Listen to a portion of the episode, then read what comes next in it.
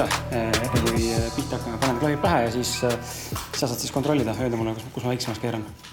rääkida võiks siis võimalikult lähedale, sihuke tikudoosi noh, nii-öelda, nii-öelda nagu kauguselt umbes enam-vähem. põhimõtteliselt söö mikker ära.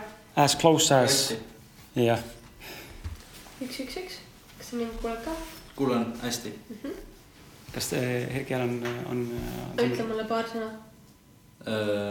Testi enda häälevõimekus, kas sa räägid, no kui mikro on tavaline hääl ja siis, kui sa näiteks räägid natuke võimekamalt, siis proovi, siis ma saan, siis ma saan näha, kust ta viskab. ütleme, et sa lähed hoogu, sa hakkad midagi. mulliga vesi on ikka täiega hea ei, väga hästi. ei viska onju? jah, ei peksa üle, praegu vähemalt. aga point on vaata selles, et see, kuidas ma siit kuulen, ei ole see, kuidas ta salvestab. jaa, absoluutselt. ehk siis äh, lihtsalt tuleb jälgida, et ta punasesse ei peksa, kollane noh. no vaatame, ma saan keerata väiksemaks. hea küll,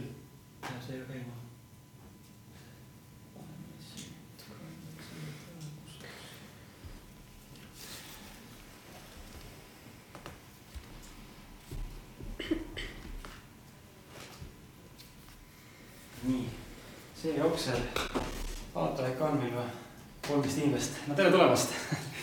Et tere tulemast. Ehm..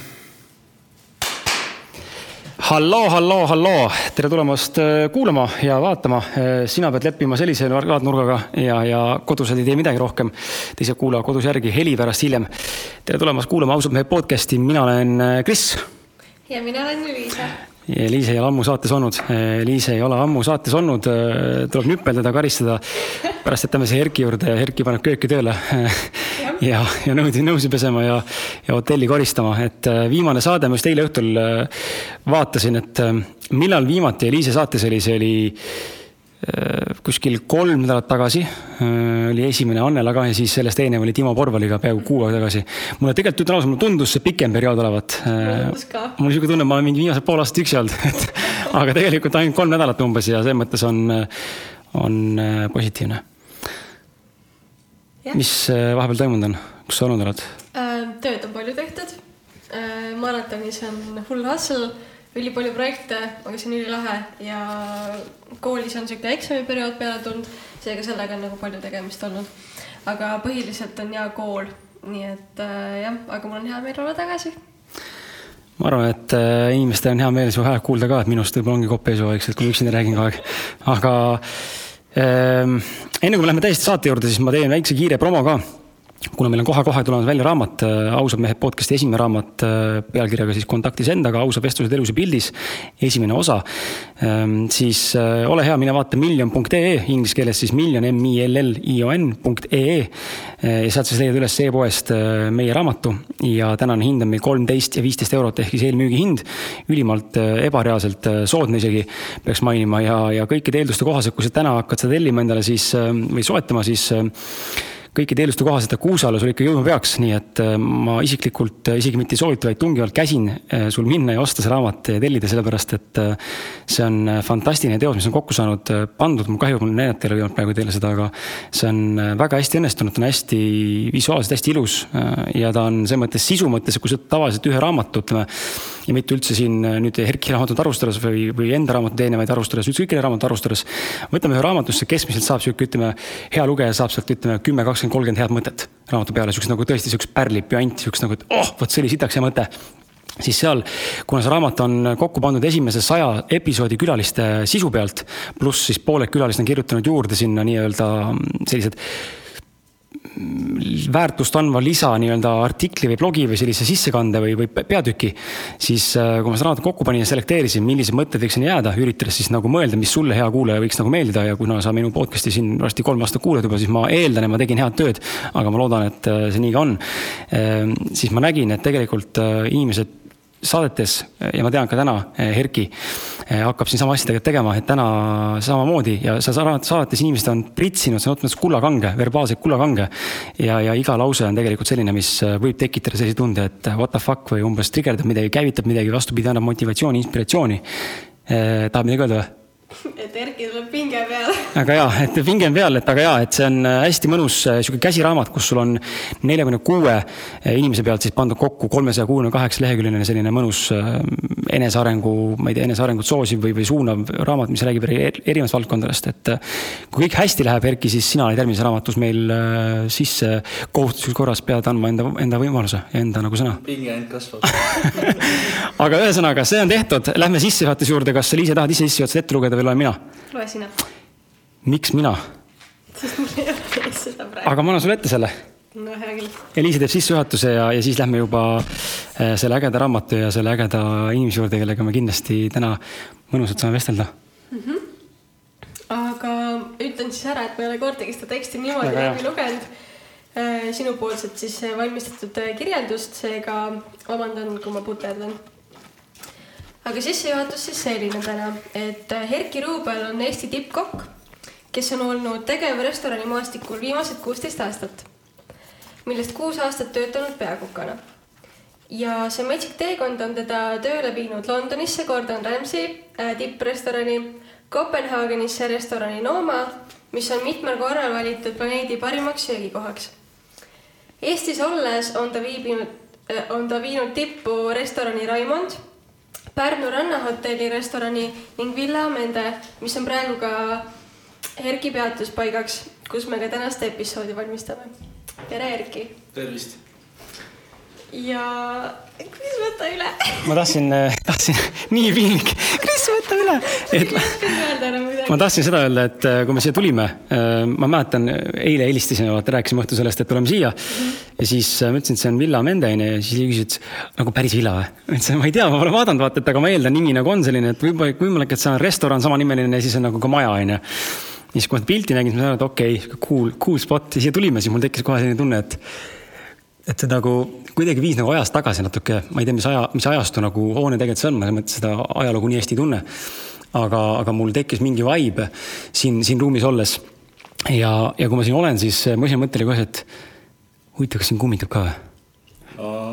nii nad räägivad. nii nad räägivad. Et mulle tegelikult väga meeldivad siuksed vanad, vanad hooned ja vanad majad ja hotellid, aga natuke on sellised äh, kõhedust tekitavad ka, et kui ma seal ringi jalutasin, siis siin on vaata neid elemente nii palju sellisest nagu noh, ongi vanast, vanast, vanad mööblit ja kõiki siukseid lampe ja lühtreid ja siis sa tunned nagu, et kurat, siin on nagu veits on nagu creepy, aga samas on nagu hästi äge, mida sa muidu nagu tavakeskkonnas noh ei koge, täna kõik on nii modernne onju et selles mõttes on äh, cool koht ja mul on hea meel, et sa meid siia just kutsusid, et stuudios olekski olnud võib-olla natuke igavam salvestada ka meiega. jah, ma ütleks ka, et äh, siia nagu tulek on selles mõttes nagu omaette elamus, pole ammu Pärnus käinud ka ja sihuke vahva uus koht, mida jälle näha ja jah, täna me räägime sinu raamatust. me mõlemad tajusime, ma korra näitan ka, hea armas vaataja ja kuulaja küll ei näe, aga vaataja näeb, kui hästi seda näed, seda raamatut, ma toon veidi lähemale ka. et äh, ilmunud raamat, ma siis räägin laiali, ilmunud raamat on Erki poolt siis äh, Mees viis, ma ei tea, kas sa lugenud ei ole, anna teada, kirjuta kommentaar. et äh, kui ma seda lugesin, siis äh, mulle meeldis, hästi lihtsasti kirjutatud, meile mõlemale meeldis aga meil mõlemal tekkis just siin enne vahetult, enne, enne seda, kui sa ruumi tulid, tekkis see mõte, et huvitav, et äh, raamatus jäi sinust hästi karm mulje, sihuke nagu hästi, hästi sihuke nagu noh, see pilk juba siin on selline, et I will fucking äh, kill you onju, et äh, ma lõikan tükkideks, ma teen sinust filee onju. ma võin vahel korra segan vahele, ma arvan, et see on üks leebemaid pilte. on, sellest photoshoot'ist mitte. et äh, tekitas nagu selle tunde, et sa oled hästi äh,, isegi sõna karm ei ole nagu õige päris nagu kirjeldus, sul on mingi muu sõna veel, selline, mis ei ole negatiivne sõna, aga sihuke toores ja hästi brutaalne ja jõuline sihuke. et äh, kuidas see tegelikult on, kas see raamatus äh, tundub ainult niimoodi, kuna see on, mõtted on koondatud paberile ja nii-öelda kontrollitud mingil määral rohkem või sa päriselus oled natukene ikkagi leebem või oli teistmoodi, kas on mingi vahe, kas ise näed või on sul seda Markus ka varem öeldud? seda märkust on varem ka öeldud ja äh, ma ise arvan, ma kunagi arvasin, et on olemas peakokk Herki ja on nii-öelda olemas tavainimene Herki onju, et et nagu pea, töö juures ma olin nagu karmim ja asja, et aga ma ise arvan, et ma olen suhteliselt leebeks viimasel paaril aastal äh, äh, muutunud, et just viimasel kolmel aastal näiteks, et et seal raamatus on ka kirjas näiteks üks äh, suurimaid pointe, mida ma oma elu hakkasin muutma, oli, oli siis, kui ma sain infarkti. et see oli küll õnneks mikroinfarkt, et ma olin kolmkümmend täiesti üle töötanud igatepidi, et äh, siis ma hakkasin aru saama, et tegelikult elu ei koosne ainult nagu äh, töötamisest. Mm, -hmm. et et minu suureks, hästi suureks mõjutajaks on olnud Netflixil seriaal olemas Chef Table, et seal on Sean Brock, kes põhimõtteliselt, tal nägemine hakkas ära kaduma, sellepärast et ta hakkas üle töötama ennast, et tema on nagu hästi suur sihuke mõjutaja olnud, kes ka nagu kaks aastat süüa ei teinud. Nüüd ta on tasapisi uuesti hakanud nagu süüa tegema, aga, aga teadvustab ka hästi palju iseendale ja teistele just, et äh, ei tasu nagu nii palju töötada, et, et see su tervisele siukseid jälgi jätab. nii et Eliise kuulsid jah? nüüd ei tohi üle töötada yeah.. ma just tahaks täiega paugutada praegu, praegu on siuke nagu hea nagu käik sees, aga jah. et noh, ütleme nii, et äh, ma rääkisin oma sõbraga, kes on psühholoog, psühhiaater ja siis ta ütles, et äh, töötamisega on nii nagu sportlased on. et, äh, et kui sa oled olümpiasportlane, siis sa kolmsada kuuskümmend päeva aastas järjest teed trenni, jah, sa teed trenni, aga keegi ei arvesta selle suhtes, et arvestatud on ka sportlase jaoks taastumise aeg. et mhm. samas, kui sa teed nagu, me kõik teeme mingi perioodi intensiivset tööd, see on täiesti normaalne osa inimesest, aga see peab järgima nagu ka äh, nii-öelda taastumine et see taastumine on nagu ülioluline aspekt.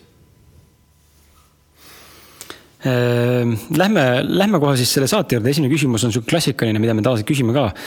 Ehm, ja ma olen seda sõnastanud selliselt, et äh, tahaksin lugu kuulda ja kuidas sa nüüd seda rääkima hakkad, äh, see on su enda valik ehm, millistest verstapostidest või milstone idest sa kinni võtad või kus sa kinni võtad, kus sa alustad, kas lapsepõlvest või hoopis eilsest päevast enne, et äh, meil ei ole vahet, aga räägi enda lugu, kuidas on sinu teekond põrgusse nii-öelda, äh, põrgusse alanud ja miks põrgus, sest et sa oled köökurat onju, seda ma seostasin kohe kurat ja põrgu onju. Ehm, ja kuidas ühe hetkel sai sinust tegelikult siis lõpuks ikkagi tippkokk oh,? see on äh, pikk jutt. ütleme niimoodi, et ähm, äh, teekond on olnud pikk olen enamuse elust elanud äh, Pärnus, äh, Pärnus sündinud, koolis käinud, et äh, üles kasvanud, et Amende villas, kus me praegu oleme, et ma olen mitmes kord, ma olen siin nagu enne ka töötanud, aga siis nii-öelda tavakokana, siis käin mööda maailma ringi, Londonis elanud, et nii-öelda kogemusi omandanud ja siis tagasi Eestisse tulnud, et ähm, et paljuski mu elus on olnud niimoodi, et äh, inimesed ei ole minusse eriti uskunud. et äh, ma võin öelda, et äh, see on suur tänu ja suur vaev olnud, et inimesed pole uskunud. et ehe näide, et kui ma koolis käisin, siis eesti keel ja kirjandus oli mul kaks ja üks. täna ma kirjutasin raamatu, kinkisin selle oma kirjandusõpetajale, kes pani mulle tunnistusele ühe kunagi aastaid tagasi. mis ta nüüd ütles selle kohta? Mm, ega ta ei osanud midagi öelda. ma küsisin ta käest, et kas oma sõnad maitsevad hästi ta pidi tunnistama, et jah, on küll nii. et kokakoolis mind ka kunagi kanti maha. et ei nähtud seda kokanduslikku annet ja asja, et, et see ongi see nii-öelda, ma arvan, motivaator ongi see olnud, et, et nii-öelda küttetäiega, et näidata neile inimestele koht kätte nagu et see negatiivsus ma olen nagu enda kasuks nagu tööle pannud, et, et noh, eks muidugi ütleme nii, et lapsepõlves, kui meenutad nagu, kui sa oled niisugune, ütleme, kolmeteistaastane või kaheteistaastane, saad kirjanduses ühe või kahe, onju, ega see väga motiveeriv eluks just ei ole, onju. et see ongi see, kuidas inimene iseenda jaoks selle nagu tööle paneb, et, et kõik ei ole läbi nagu sel hetkel, et, et sa võid selle nii-öelda enda jaoks tööle ka panna hoopis teistmoodi see, minu arust on hea, et sa välja tõid selle, äh, ütleme siis mingil määral nagu viha või allasurutud viha baasilt ja selle tõestamise baasilt tegutsemine, ma ise näen enda elus sedasama asja, ka minul oli sarnane teekond sinuga just läbi selle raamatu kirjutamise, et kui ma esimest raamatut kirjutasin, siis mul oli eesti keele eksami kukkusin üldse niimoodi läbi, aga sisu oli null vist enne üheksandas klassis ja, ja ma üldse läbi sain sealt, et ja kirjandit pole kunagi läinud. Ja, ja kui ma lõpuks äh, raamatu kirjutama hakkasin, siis mulle öeldi ka, et äh, nagu mis nalja sa nagu teed, et see ei ole nagu reaalne, aga sealt tekib see drive, äh, mis paneb nagu tahtma mingil määral tõestada, aga ma näen, et kas see, selle, see on nagu mingil määral ohtlik, sa võid kukkuda väga sellesse tõestusesse nii-öelda nagu noh, lõputusse nagu sõlme onju et sa muudkui kogu aeg tõestad, tegelikult peaks ju tegema asju enda jaoks tegema, aga, aga ma näen ise ka, et äh, see on tegelikult väga suur motivaator. kuidas sul, Liisa, sellega on, kas äh, sul on tõestamisvajadus või see on võib-olla hoopis rohkem meeste teema, ma ei tea, võib-olla naistel ei ole nii palju seda asja ähm,? ma tunnen seda, et minu jaoks tõestamisvajadus on nagu mulle endale mm. -hmm. ja ma vist ei olegi rääkinud sulle, aga ma planeerin minna siis suvel USA-sse raamatuid müüma okei okay. ja noh, alati on see küsimus, et aga miks sa sinna lähed, et raha pärast või mille pärast sa lähed siis ja ma ütlen nagu käsi südamelt, ma reaalselt lähen sinna selle jaoks, et tõestada iseendale, et ma suudan siukse sita läbi teha. väga kõva, äh, väga tubli. see saab olema paras sitt, ma ütlen sulle kohe jah, aga sinu elus, Erki, on olnud hästi palju võitlust ei-vastustega, nagu ma aru sain. Ja sa ütlesid, et sa lahendasid selle nagu enda jaoks nii, et sa pöörasid selle nagu enda kasuks. aga kas seal oli nagu veel midagi, et kuidas nagu sellises võitluses nagu võitjaks tulla? või kuidas sa seda manageerisid? Äh, no ütleme niimoodi, et äh, eks ma olin nagu too hetk suhteliselt nagu allaandmise piiril. et äh, näiteks kui mulle öeldigi, et su kokandusega annet pole, siis ma mõtlesin, et persega ma ei tahagi kokaks saada. Siis küsiti mu käest, mis sa teha tahad, ma ütlesin, ma ei tea, võtan jalgratta ja võtan seljakoti ja sõidan rattaga ümber maakera. See oli mu elu suurim eesmärk se- selles süsteemis nagu haridussüsteemis nagu käies, ma reaalselt ei teadnud, polnudki sihti, et võtan jalgratta ja vaatan, kus tee mind viib ja sinna ma lähen nagu. noh, siiamaani on see sõitmata veel. Muud takistused on ette tulnud, et, äh, et jah, ma ei oskagi öelda, võib-olla oli sellepärast ka selles, et mul on elus olnud hästi palju, ma olen hästi paljudest asjadest huvitanud. enne kui me seda saadet tegema hakkasime, ma rääkisin teile, et ma loen, ma kirjutan, ma joonistan, onju. mul laps, mul on kaks koera, mul on töö, mul on veel kutsehariduskeskuses nii-öelda õpetajana töötan, onju, et, et mul on nagu miljon tegemist nagu terve elu olnud et, et võib-olla oligi sellepärast, et ma ei jõudnud keskenduda kõigile asjadele nagu perfektselt nagu kõik teised inimesed tahtsid nagu, mida mina ei tahtnud. Et ähm, noh, muidugi allaandmine oleks kõige kergem variant olnud nagu, et mõnes mõttes paljud näevad nagu allaandmist äh, nagu nõrkuse märgina. mina tegelikult seda ei arva nii, et ähm, et mingi hetk, kui sa oled nagu selles ratas sees, karjäärirattas, siis mingi hetk, kui sa tõmbad selle taastumise efekti peale ja puhkad see on ka mingil hetkel nii-öelda allaandmine, aga sa pead endale teadvustama, miks sa seda alla annad. et eh, jah, ma saan aru, et, et õpilane, abiturient, kes annab alla, et ta ülikooli ei lähe ja mängib Playstationit ja joob õlut oma vanemate diivanite peal, see nagu ka päris nagu okei okay ei ole, onju. aga samas nagu see, et eh, ma lõpetan heade tulemustega ähm, nii-öelda keskkooli kuldmedaliga, ma lõpetan cum laude'ga nagu ülikooli ja siis ma lõpetan psühhiaatriahaiglas, mida ma olen oma ühe sõbralt tuttavalt nagu väga hästi näinud et, et ma ei arva, et see on ka nagu eluterve suhtumine nagu selles suhtes, et jah, kogu ühiskond kummardab meid, jah, mul on head eh, töökohad, kõik asjad, aga seisud su endaga ei ole head. et, et ma olen seda meelt nagu, et, et allaandmine on okei okay, mingil määral, eks sa pead iseendale seda teadvustama. et see noh, koolis võib-olla oleks kõige lihtsam olnud jah, et aga ei noh, mina olen teise aspekti võtnud, sest mul on kogu aeg gaas põhjas olnud ma isegi vist ei nimetaks seda äh, allaandmiseks, noh, võib-olla mitte sellises otseses nagu tähenduses, pigem ma ise näen ka seda, et loobumine või, või allaandmine siis just nimelt äh, vaata, seal on ka see osa, et kui sa märkad ära, et see pole päris sulle või see nagu see tee on läbi sinu jaoks või see arengufaas on möödas, siis sealt nagu välja tulla on, see on, see on nagu fine, et. et allaandmine vist pigem on see, kui sul on äh, a la, et sul ei tule täna veel äh,, ma ei tea, kokana näiteks mingi lõikamine perfektselt välja, siis nagu viskad noa käest ära, teed persse, ma ei viitsi, onju. et see on see allaandmine võib-olla, aga just see, kui see mingi punased nagu lippe, punaseid lippe ja märke pole, siis äh, siis nagu selle koha pealt ei ole seda allaandmist võib-olla üldse nagu aktsepteeritav nii-öelda võimalik, et eks see allaandmist, ma arvan, et see ei ole nagu elus mitmetahuline mm. -hmm.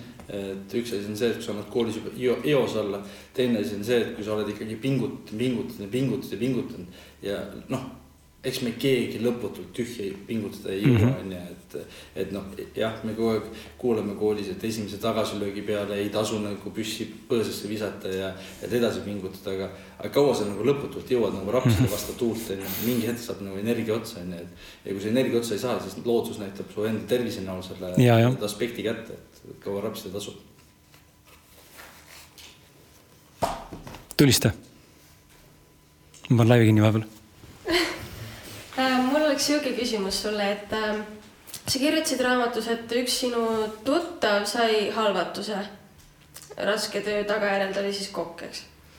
ja sa kirjutasid umbes midagi sellist, et kas olla loll ja õppida enda vigadest või olla tark ja õppida teiste vigadest. et äh, kummast sa siis õppisid või kuidas see edasi läks? Äh, mina olin loll ja ma õppisin enda vigadest, sest et äh, kaks ja pool aastat enne oli minul mikroinfarkt, ma hakkasin mõtlema. Et temal oli, see oli üks viimaseid peatükke, mis ma selle raamatuks üldse kirjutasin, et, et ma teadsin, et see peab sinna raamatusse sisse saama.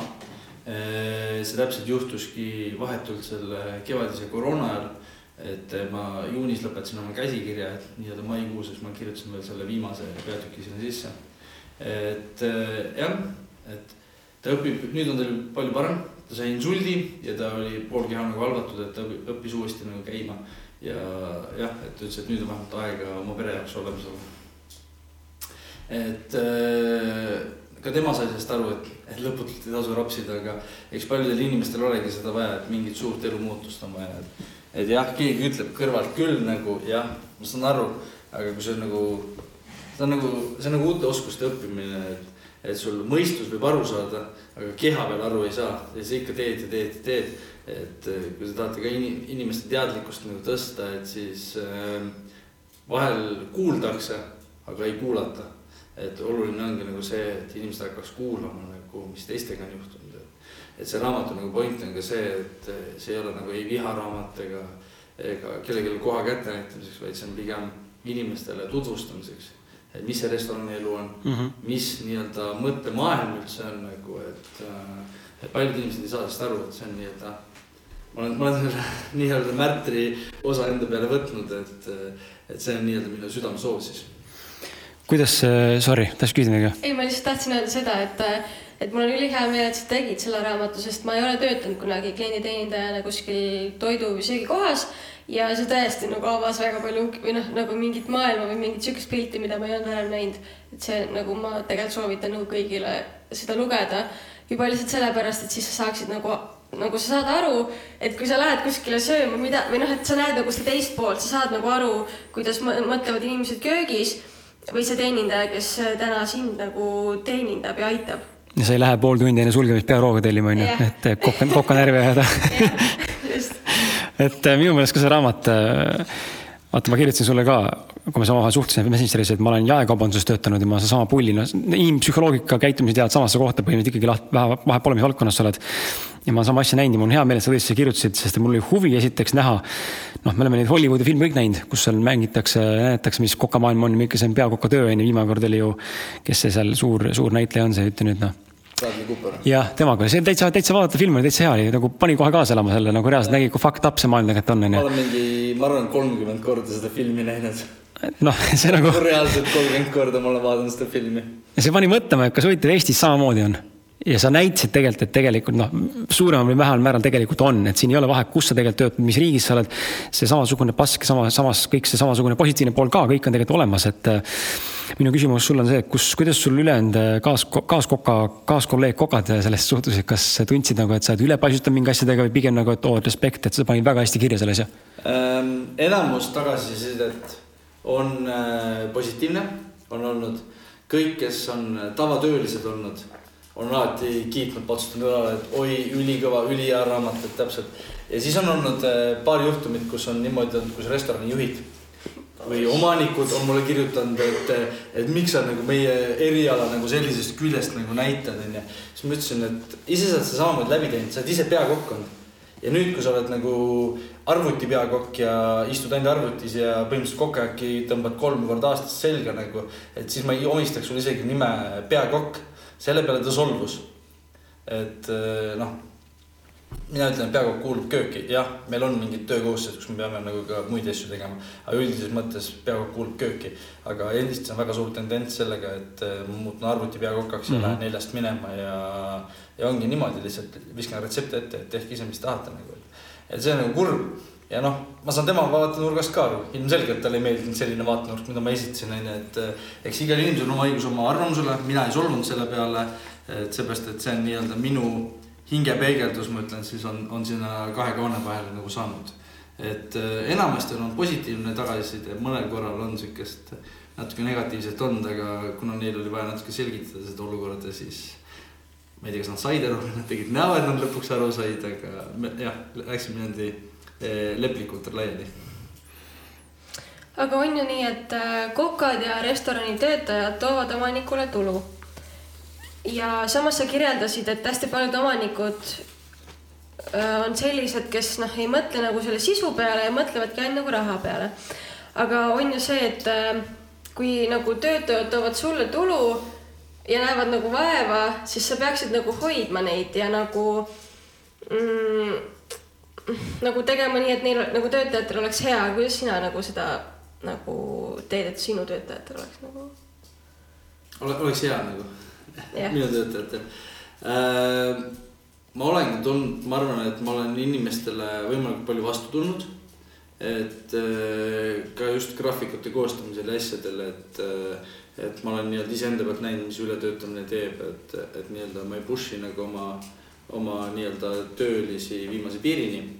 ja mida mul on ette heidetud ja ühes töökohas on mul ka probleem sellepärast on, on see, et ma vaatan liiga palju töötaja vaatenurgast seda asja kuna ma olen viimse veretilgani alati oma nii-öelda staff'i eest väljas. aga kuna sa oled peakokk, sa kuulud ka nii-öelda juhtkonda, firma juhtkonda ja nemad ei ole alati õhtuti siin, kui sina võib-olla oled siin, et noh, ongi niimoodi, et sa oled nagu kahe tule vahel, et, et eh, siis ma olen alati võtnud selle vaatenurga, et ma olen alati väljas olnud nagu tavatöölise pealt. et eh, ma olen endale korrutanud hästi seda Richard Bransoni mõtet, et, et hoia oma töölist, siis tema hoiab kliente kui sina oma töölist ei hoia ja lihtsalt maksad palka talle ja viskad teda kaltsu ühest nurgast teise nurka, onju, et siis lõpuks ma saan aru, et töötajal tekibki monotoonsus ja ta tekibki sügav pohhuism selles suhtes, mis ta teeb. jah, ta tulebki, paneb selle nii-öelda klaasi ette ja tal oli täiesti savi, klient sai oma joogi kätte, aga, aga lisaväärtust seal asjal ei ole. aga tegelikult see lisaväärtuse loomine tegelikult hakkab kinni ülemuste puhul puhtast psühholoogiast. et ähm, et äh, ma olen töötanud ettevõtetes, kus on olnud väga hea tegevjuht, nagu väga hea. iga hommik tuleb, küsib, kuidas läheb, asja, et see on nagu inimlikkus. et äh, noh, mõnedes kohtades seda pole olnud, et mõnedes kohtades mul on ette heidetud, et ma olen kunsti teinud kellegi raha eest kolm aastat, et ma pole midagi vastu saanud, et noh, sorry, et et kõik need ületunnid, mis, mis välja maksmata asjad on, et see on nagu, see on nagu puhas kingitus siis võetud, et et eks ta ole sihuke karm maailm, aga jah, kui nüüd selle küsimusele läheneda, siis ma ütlen, et ma olen oma töölistest alati seisnud. ma olen nagu ülemusena suht nõudlik olnud. aga ma arvan, et nõudlik selles valdkonnas peab olema. et äh, noh, ei tasu nagu üle paisutada, kui just nagu ma olen näinud ka töölisi, kes on nagu kasutanud võib-olla mu heatahtlust ära liialt palju. et äh, eks see niisugune psühholoogiline laveerimine ole ja mängimine selle inimtaluvuse piiridel Ehm, räägi, räägime sellest, äh, mulle, mulle meeldisid tegelikult su näited seal raamatus, kus rääkisid toidust ja toidust läbi sellise äh, nagu kunsti, kunstivaate just, et mida sa nagu sellega tahad edasi anda, et äh, see, see on see, mis mina, mis mind kõnetas nagu noh, tavakokana, nii-öelda kodukokana siis, et sama, samamoodi üritan seda midagi nagu, noh, ma ei tee seda süüa, vaid kuidagi minu jaoks on ka hoopis niisugune teistsuguse protsess, aga, aga. jah, soojendan mikrokas aga, aga ei, et just nimelt, et seesama, sama teema, et äh, mida sina nagu püüad kokana oma toiduga edasi anda ja, ja kas igal kokal on oma nägemus toidust äh, kui sõnumitoojast või sõnumist? Äh, vot ma ei oska öelda igal kokal, kas on, eks see oleneb päris palju inimesest endast, enda nägemusest, et, et seda, noh, seda ma nagu palju tegelikult küsin mu käest, et, et minul nagu on väga tugev oma nägemus just kunstilises mõttes ja üllatamise mõttes, et, et aga ma ei tea, ma ei oska öelda, ma ei taha nagu võtta seda, et jah, kõigil on nagu oma visioon, et, et ma arvan, et kõik, kes lõpuks ikkagi saavad firma omanikeks või kes liialt palju süübivad oma Exceli tabelitesse, siis, siis tehakse nagu siukseid äh, halbasid otsuseid, et näiteks miks ma pean maksma, noh, ma toon lihtsalt näite, et miks ma pean maksma viis eurot liha kilo pealt rohkem, kui ma saan palju odavamalt ja müügihind jääb samaks tegelikult onju, aga see liha kvaliteet on hoopis teine nagu, et. et ma olen näinud selles valdkonnas, et inimesed on teinud selliseid äh, äh, otsuseid ja just iseenda jaoks, et. et kui ma olin palgaline peakokk, siis oli nagu tore, et siis ma võtsin kallimat toorainet, siis ma põletasin kellegi teise raha. et kui ma nüüd olen restorani omanikuks saanud, et siis ma nüüd valin nagu kehvemat, et, et ähm, mina ikkagi seda meelt jäänud, et produkt peaks ikkagi nagu kliendile võimalikult hea olema müügis. et kui sa suudad nagu kehvast asjast seda head asja teha, siis sa oled nagu geenius, noh onju. aga on nagu noh. ma kunagi ütlesin oma õpilastele, ma küsisin, et kuidas saab sitast saia teha. see on niisugune Eesti väljend nagu, et tehakse sitast saia. no tegelikult ei saa, sest sitt sai tuleb alati et seda ei ole võimalik nagu kehvast asjast ei ole võimalik head asja teha, et, et äh, jah, et ma arvan, et äh, et inimesed peaksid mõtlema nagu ikkagi nii-öelda selle jätkusuutlikkusele ja kui sa hoiad stabiilset äh, kvaliteeti, et siis on see jätkusuutlikkus ka pidev protsess. Pikk jutt, pikk jutt oli. Küsiks sellise küsimuse, et äh, sa näitasid seal raamatus, et hästi palju on kokatöös sellist nagu tänamatust, kus küsitakse a la, ma ei tea, mingit eritellimust, kas siis veganluse näol või laktoosivaba toitu või midagi. ja siis hiljem tuleb välja, et aga tegelikult see inimene ei olnudki laktoosik, vaid ta lihtsalt nagu mingi, lihtsalt küsis nagu, et äh, selliseid nagu nõmedaid nagu hetki on nagu palju olnud, aga mis sul on nagu mingid parimad hetked, sellised nagu kõige helgemad või noh, kuidagi ma ei tea, et keegi tuleb tänab või noh, midagi siukest nagu. annab tonni jotsi või midagi taolist uh, mm. nüüd see on päris keeruline küsimus pigem tuleb seda, pigem tuleb seda paska ja, ja absoluutselt uh,. alati hea sõna uh, on alati nagu turgutav Äh, eestlased on suhteliselt kinnised, siis nende käest nagu kätte saada adekvaatset tagasisidet on suhteliselt raske. et kui sul jah, toit on nagu siukene üle keskmise hea, siis keskmine eestlane tuleb, kellele maitseb, aga kes ei oska nagu väga põhjendada, et miks talle maitseb.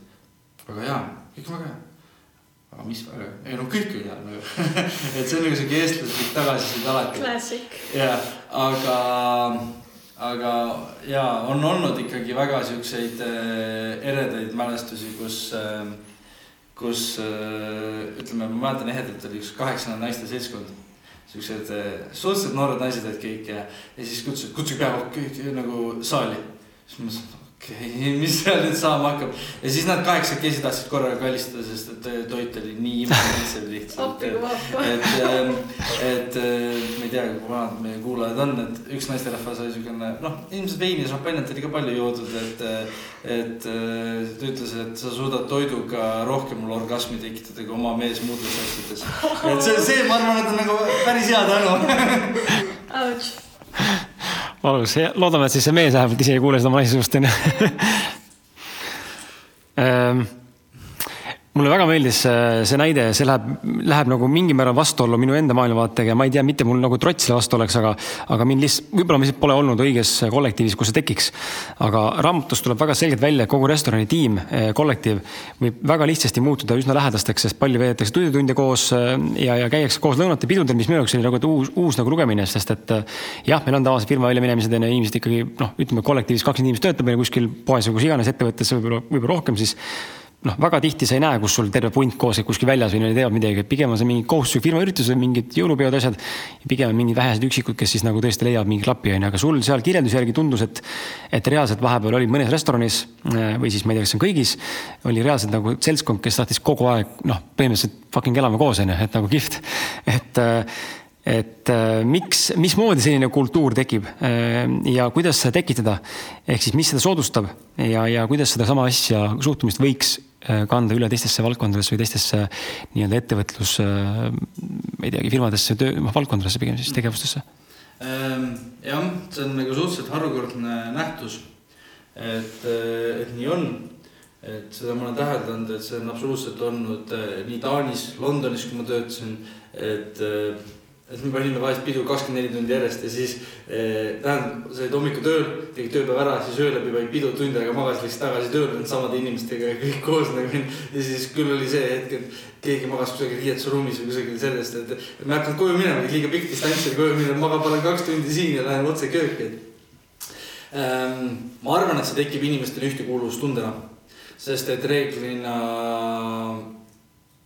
seal on enamasti nii-öelda tavatöötajad. Ehk tavateenindajad, tavakelnerid, tavakokad.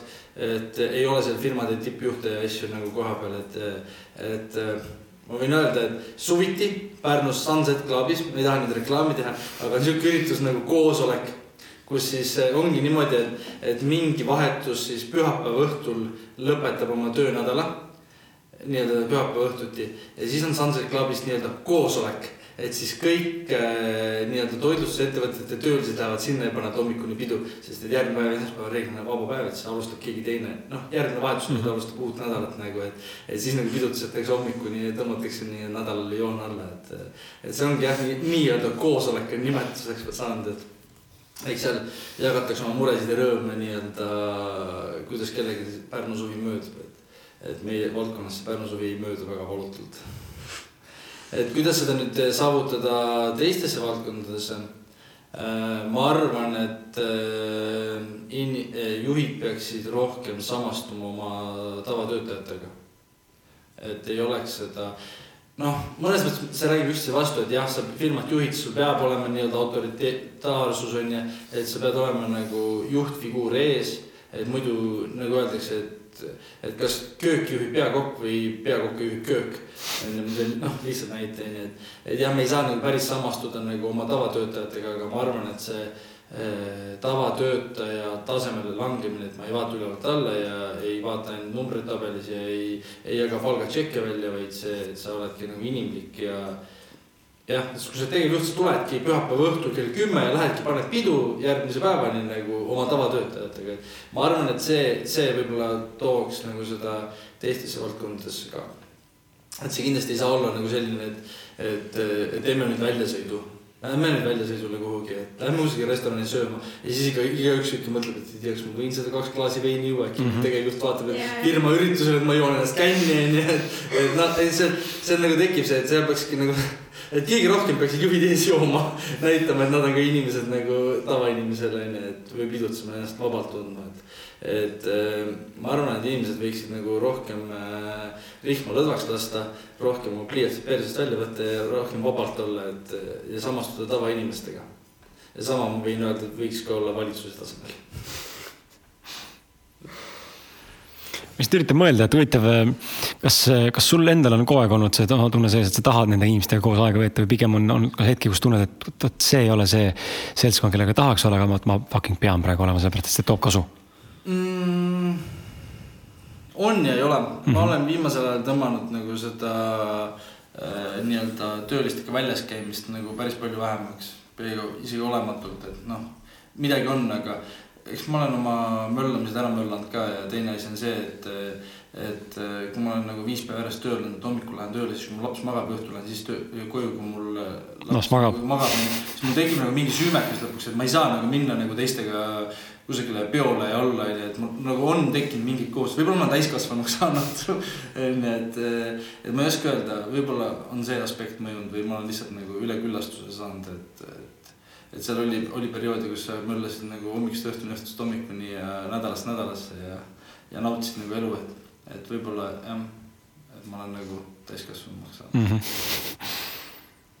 aga olles seltskonnas, kus mulle ei meeldi olla, et see mulle kasu tooks äh,. pean tunnistama, et olen jah, sunnitud olnud selles äh, olukordades olema ega see eriti, eriti mõnus minu meelest ei ole, üsna, üsna, nagu sööv on seest. jah, ega ta, sa ei tunne ennast vabalt ja kohe saadakse aru, et, et sul on midagi viga mm. -hmm. et noh, tavainimesed kohe või tavatöölised hakkavad mõtlema, et vaata, ta on nagu ülemus, et, et, et mis tal viga on, et kas talle ei meeldi meiega olla või asja, onju, et hakatakse ennast nagu paremaks pidama, tegelikult asi ei ole üldse selles, onju, et et minul ei ole seotud üldse see minu töölistega, vaid hoopis teiste üritustega nii-öelda, kus mul ei ole meeldinud olla, kus ma mm -hmm. olen sunnitud viibima.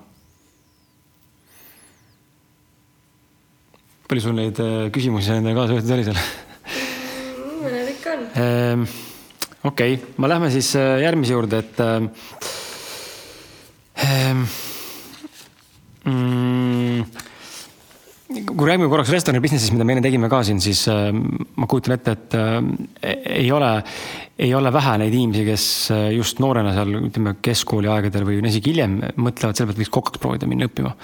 ise tunnen mõningaid inimesi ja, ja kõik, kellega rääkinud olen, need enamik neist ei ole kokana päriselt nagu töötama või tuuna kasunudki, nad on läbi, läbi õppe on saanud mingi praktika kogenud ja siis ütlevad ka, et täitsa putsis, mis maailm. et sinna ma ei lähe ja edasi. et, et nagu see oli, see oli viimane kogemus paar, paar kuud tagasi üks noor kutt ütles mulle, et tule, ma ei lähe, ei, ma ei lähe kokana kunagi enam tööle nagu, mida fuck'i lihtsalt. Ja, ja ma ei saa ka põhjendust kätte, miks on ju, minu küsimus on see, et äh, nimeta siis, räägime positiivsest küljest, et räägi kolmest omadusest või väärtusest. mida on vaja selleks, et restorani business'is läbi lüüa, võib-olla peakokana, üldse kokana või, või restorani juhina nii-öelda või omanikuna. ja, ja kuidas neid asju saaks äkki rakendada igapäevaelus, et olla lihtsalt, lihtsalt parem inimene huh,? See on nüüd pikk küsimus, et ma vahepeal küsin täpsustust mm -hmm. sealt mingit. ehk siis kolm väärtust või omadust võid ise nimetada, kumba tahad enne, mis sobivad, mis teeb heast koka, heast kokast hea kokaaine või peakoka või restorani omaniku ja kuidas neid saab üle kanda igapäevaellu mm? -hmm. sa võid ka ühe tuua, kui sa kolm ei suuda kohe, kohe jätta. mõtlen just otsast alustada praegu, sa tõid kõik, vaata näited seal eraldi veel, et, et kas ma hakkan kõik näite eraldi võtma, et ähm, et kõigepealt ma ütleks, et äh, mina ei tahtnud kokaks saada. mõtlesin samamoodi, et elus jääb midagi muud üle, et süüa ma teha ei osanud. mõtlesin, et oh äge oleks, siis ma lähen õpin uue ameti ja vähemalt õpin süüa tegema, kui midagi muud ei, ei õpi, et kui ma kokana tööle ei lähe. ja mind ei köitnud nagu toit kõigepealt selle elu juures. nagu mõtlesingi, et noh, raske töö küll on ju, aga ei viisteist aastat tagasi meil ei olnud ka siukseid võimalusi nagu praegu on, et igas telesaates kusagilt äh,, igas kanalis, kus sa klõpsid mingil ajahetkel tuleb kokasaade mm -hmm. või on äh, telekanal, mis on spetsialiseerunud ainult toidule onju. ja siis minu kätte juhtusid esimesed nii-öelda Gordon Ramsay saated, Kitchen Nightmares'id nagu Inglismaal. ja siis ma vaatasin, et mingi vend ütleb fuck lihtsalt telekas, ma mõtlesin nagu siukse attitude'iga vend, oo minu kord on nüüd kokaks saada nagu, et see attitude mulle meeldis nagu rohkem, et äh, ja mis nagu ütleme siis ähm, kõiki kokkasid väga palju maailmas ühendab, on see, et ähm, väga vähe on sihukest asja, et ma võtan ameti oma isalt või emalt üle. nagu me mõtleme nagu, et, et jah, mu ema asutas restorani või vanaema asutas kolmsada aastat või kakssada aastat tagasi restorani või mõne sugupuu kunagi onju. et seda on nagu pärandatud põlvest põlvkonda. Prantsusmaal neid näiteid on, neid näiteid on Prantsusmaal, Eestis neid näiteid ei ole. et ähm, et miks, oota, mis siis saaks või üle kanda nii-öelda äh, ka ellu. Äh, ma arvan, et äh, peakokatööstus mingil määral pohhuismi mm -hmm., sihukest elutervet pohhuistlikku suhtumist peab olema. et ilmselgelt meil kõigil on nagu oma versioon toidule, maitsele ilmselgelt see, mida mina teen, ei pruugi sulle meeldida või sinule onju. et sa pead jääma nagu sellele kindlaks, et mida sa nagu teed mm. -hmm.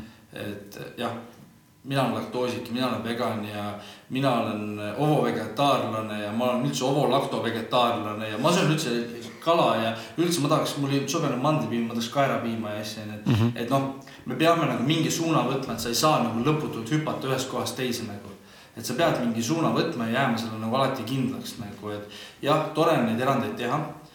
me teeme erandeid nii palju, kui on võimalik aga sa pead mingil asjal alati kindlaks jääma, et noh, sama nagu ka nende seisukohtadega oma elus, et, et me oleme kõik individuaalsed inimesed, äh, indiviidid nii-öelda, aga me alati elame oma elu natukene teistmoodi, kui sina elad oma elu, elan mina teistmoodi või nagu sina onju.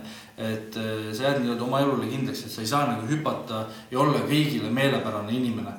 see on võimatu nagu noh, siis ongi see, et sa lõpetad hullumees lihtsalt, et, et seda elutervet pohhuismi peaks olema, et et äh, inimesed tänasel päeval kritiseerivad, kas siis sotsiaalmeedias igal pool, et osad võtavad seda nagu nii tõe pähe, et issand jumal, mul elu on kohe läbi, et ma ei saa viissada täita oma pildile ja asju onju.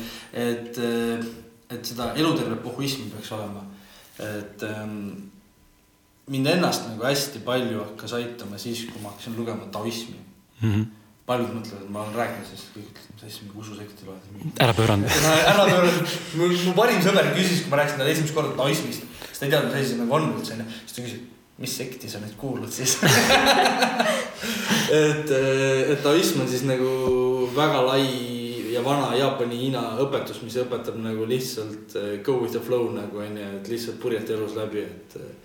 et noh, kui kellelegi ei maitse midagi, siis elu ei ole sinu jaoks ei ole elu läbi ja loodetavasti tema jaoks ka mitte, on ju, et, et, et ma arvan, jah, kui sa küsid, et vähemalt ühte siis sihukest elutervet pohhuismi peaks inimesel palju olema, siis teine aspekt võiks olla see, et, et ta on nagu kindel oma vaadetele. et noh, meie vaated ei pruugi kellegagi ühtida, on ju, aga nii-öelda kui sa tahad nagu head restorani luua, siis restoranil peab alati mingi story olema taga. see, et ma teen head toitu, see tänasel päeval enam ei müü kui, kui me räägime restoranist mm, -hmm. kui me ei räägi pubist ega bistroost ega mingist eh, burgeriputkast, siis punkt üks on see, et seal peab olema mingi story taga. Story on võimalik, kas see on nagu päriselt nagu siin majas, et kas ta on nagu mingi vana perekonnamaja ja mingi ajalooga ja siis sul on võimalik sto-, või on see, et sul on võimalik story oma toidule taha mõelda. et sa võtad mingi kindla suuna, kas näiteks Skandinaavia modernne Eesti köök või nii-öelda arendada mingit suunda edasi, et, et see, et ilma story'ta ei ole midagi aga story saab ainult tekkida siis, kui sul on mune seda teha, ehk siis, kui sul oled nagu kindel oma asjas, mida sa teed. sest vastasel juhul ongi see, et aga mulle ei sobi see ja siis restorani juht hüppab autosse ja gaas põhjas sõidab äh, kaerapiima tooma näiteks, sest mandlipiim ei sobinud onju. et noh, ei ole võimalik nagu kõigi inimeste meele järgi olla, et, et sama nagu tavalises elus, et, et sul ei ole võimalik kõigi meele järgi olla onju, et, et me peame võtma inimesi sellistena, kes nad on ja selles ei ole üldse midagi halba, kui me mingi teatud inimestega ei suhtle. või suhtleme nii palju või vähe, kui vähegi võimalik on. et kui võtan nii-öelda elusse neid nii-öelda sündroome üle, et, et iga kliendi eest ma olen tänulik. kas ma tahan mõni, mõnega ma lauas jään rääkima, tahan, on mõnus rääkida, mõnega ma tunnen, et mul ei ole midagi rääkida, sest me oleme eraelus juba niivõrd erinevad indiviidid, et meil ei teki seda connection'it sinuga, et ma võin sulle toitu tutvustada sa ütled mm -hmm, jah, aitäh, küsid paar täpsustavat küsimust ja siis on kliendid, kelle, kelle juures ma istun pool tundi ja räägin, räägin juttu nagu onju, et. et see on nagu see, kuidas inimtasandil ka mingi connection tekib, et aga et kuidas restorani juhtida hästi, ongi seesama, et sa pead olema kindel. ja punkt üks, mis on kõige olulisem punkt, on see, et sa pead tundma oma valdkonda mm. -hmm. et restorani sa ei saa juhtida siis, kui sa oled olnud äh, kõrgharidusega investor kellel on raha, ma nüüd investeerin. me oleme näinud neid ehedaid näiteid. Äh, ma toon siukse ühe naljaka näite, mis juhtus Tallinna vanalinnas umbes viisteist aastat tagasi. tulid äh, siuksed äh, vene uusrikkad miljonärid, ostsid kõigepealt ruumid, kus restorani tegema hakata. ostsid ilgelt kalli mööbli, ostsid lakki neljasaja viiekümne tuhandese lühtri. ja siis mõtlesid, et nüüd peaks hakkama inimesi ka palkama. aga inimeste palkamine on kallis protsess nagu jooksvad kulud on kallis. võtame mingid suvalised vennad nagu, põhimõtteliselt mingi Lasnamäe McDonaldsist võeti mingid suvalised pašad, kes pandi siis süüa tegema. ja siis vaadati, et peale esimest kuud nagu rahvast ei käi rohkem, et kuulutame pankrotti välja ja siis see lühter müüdi sealt laest saja viiekümne tuhandega maha, kolmsada tuhat miinust kahe kuuga.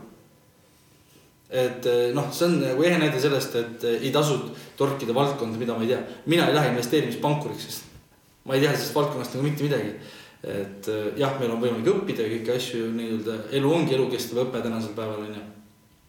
et äh, aga sa pead seda oma valdkonda tundma, et, äh, et ilmselgelt sa ei teeks siin podcast'i, kui sa ei oskaks päris neid juhtumid kokku panna ja klatsiksid kukalt, et kurat, ma peaks ikka veel natukene õppima seda asja on ju, või noh, enda jaoks nagu selgeks mõtlema. et sama nagu igas asjas ja ka restorani business'is, et, et kui sa oled investor, oskad ainult nagu raha lugeda, siis päris, ma arvan, et õige koht ei ole see. või on siis see, et sa palkad enda jaoks nagu väga kõrged mm. professionaalid, kes hakkavad sinu rahast seda asja juhtima nii-öelda ja teevad seda hästi, et ähm,. jah, ma ütlesin pikk jutt või ma olen nõus, mind, mind kõnetas seesama, seesama just äh, just see osa, kõigile ei saa meeldida ja, ja kõik ei saa sind ka nii-öelda vihata, onju, et see on nagu loomulik kulg, et noh, on neid, kes sulle meeldivad või noh, kellele sina meeldid ja kellele sa ei meeldi ja ennast muuta lõpmatuseni on, on tõesti nagu jabur, et olla kõigile meelepärane, see ei vii mitte kuskile, siis sa oled inimese tasandil ka, lõpuks sa oled nii kihistunud, et sa ise, isegi enam aru, kes sa tegelikult oled või milles seisad, onju, et et lihtsalt ma näen, tundub, et inimestel lihtsalt on raske äh, ka endal teinekord võib-olla just lähedaste poole pealt ja, ja ma ei tea, kuidas sul sellega olnud on, aga just nagu lähedaste inimsuhete mõttes just selle tasandilt, et raske on teinekord jääda iseendaks, sest et äh, sellega kaasneb igasugust sitta, mida võib-olla sa ei ole oodanud, onju. ootamatused, kas siis kellegi perekonnasuhtes ei taha sinuga enam suhelda või sõbrad või keegi mõistab hukka või ühiskond mõistab hukka, mis iganes veel. aga just nimelt see oskus, julgus, äh, see munad endale kindlaks jääda ja noh, on nii nagu on siis ja kui ei meeldi, siis noh, käi perse onju piltlikult öeldes, et. Et noh, mul on seesama raamat on nagu sama pointiga, et see on nagu noh, teie olete lugenud, kuulajad, võib-olla mõned on lugenud, mõned ei ole, onju, et. et seal on siukseid väga ekstravagantseid lugusid ka, et ma räägin, et ma ei saa nagu nimesid nimetada, et ma arvan, mind uputatakse mm. karjääri ära lihtsalt või oleks mul mingid elukestvad kohtukeissid onju. ja seal on väga mõjuvõimsad inimesi, et mina mingi vaese peakokana kindlasti ei suudaks nagu nendega võidelda, onju, et, et jah, et sa ei saa nagu meeldida kõigile ja kõik ei saa sind vihata, et noh, need osad inimesed vihkavad sind, osad inimesed armastavad sind, et et Gordon Ramsay on hästi öelnud, et, et kui on vihkajaid rohkem kui sinu armastajaid, siis järelikult sa teed midagi õigesti mm. -hmm. mingi sarnane lause on veel, äh, mul ei tule meelde. Äh, noh, mingi sarnase pointiga nagu läbi teistsuguse sõnastuse, et jah, see, kus ülekaal on nagu siia negatiivse poole, siis järelikult midagi teed sa õigesti, sa käivitad, sa ei jäta külmaks inimesi, järelikult on midagi, mida sa teed hästi. Äh, või siis vastupidi nagu midagi, mille poolest sa jääd silma sest muidu vaata, kui sa oled nagu kõigile meeldid, siis võib-olla sa muutud mingi ajal keskpäraseks ja sind vaadatakse lihtsalt, et noh, lihtsalt tore poiss. aga, aga ma olen kuidagi see, võib-olla see on meie eripära sinuga, võib-olla, võib-olla ise vaatab, mõtleb, et mida vittu te mehed räägite enne nagu, et see, see ei ole, see ei ole normaalne, onju, et minu, minu jaoks on see eluterve suhtumine äh, aga Gordon Ramsay, korduvalt äh, praeguse podcast'i juures mainitud, äh, räägi, mind väga huvitab, kas sa kuidas see, mis see nagu tähendas, kas see oli tema nii-öelda nimega kool, köök, äh, ma ei tea, restoran või sa päriselt said selle mehe käe lõpuni, ta oli su kõrval, võttis su kõrvas kinni, sakutas, ütles, et türa Erki, äh, lõika, lõika normaalsemalt seda fileed siin või kuidas see oli? jah, see on äh, jah, niikaua kui ma Rämsi juures töötanud olen, seda kõik alati küsinud ka nagu, et ähm, äh, ma töötasin aasta aega tema restoranis ja nimi oli Gordon Ramsay at Claridge'is ehk Claridge'is hotellis Londoni kesklinnas Mayfairis, väga legendaarne hotell, mingi saja viiekümne aastase ajalooga.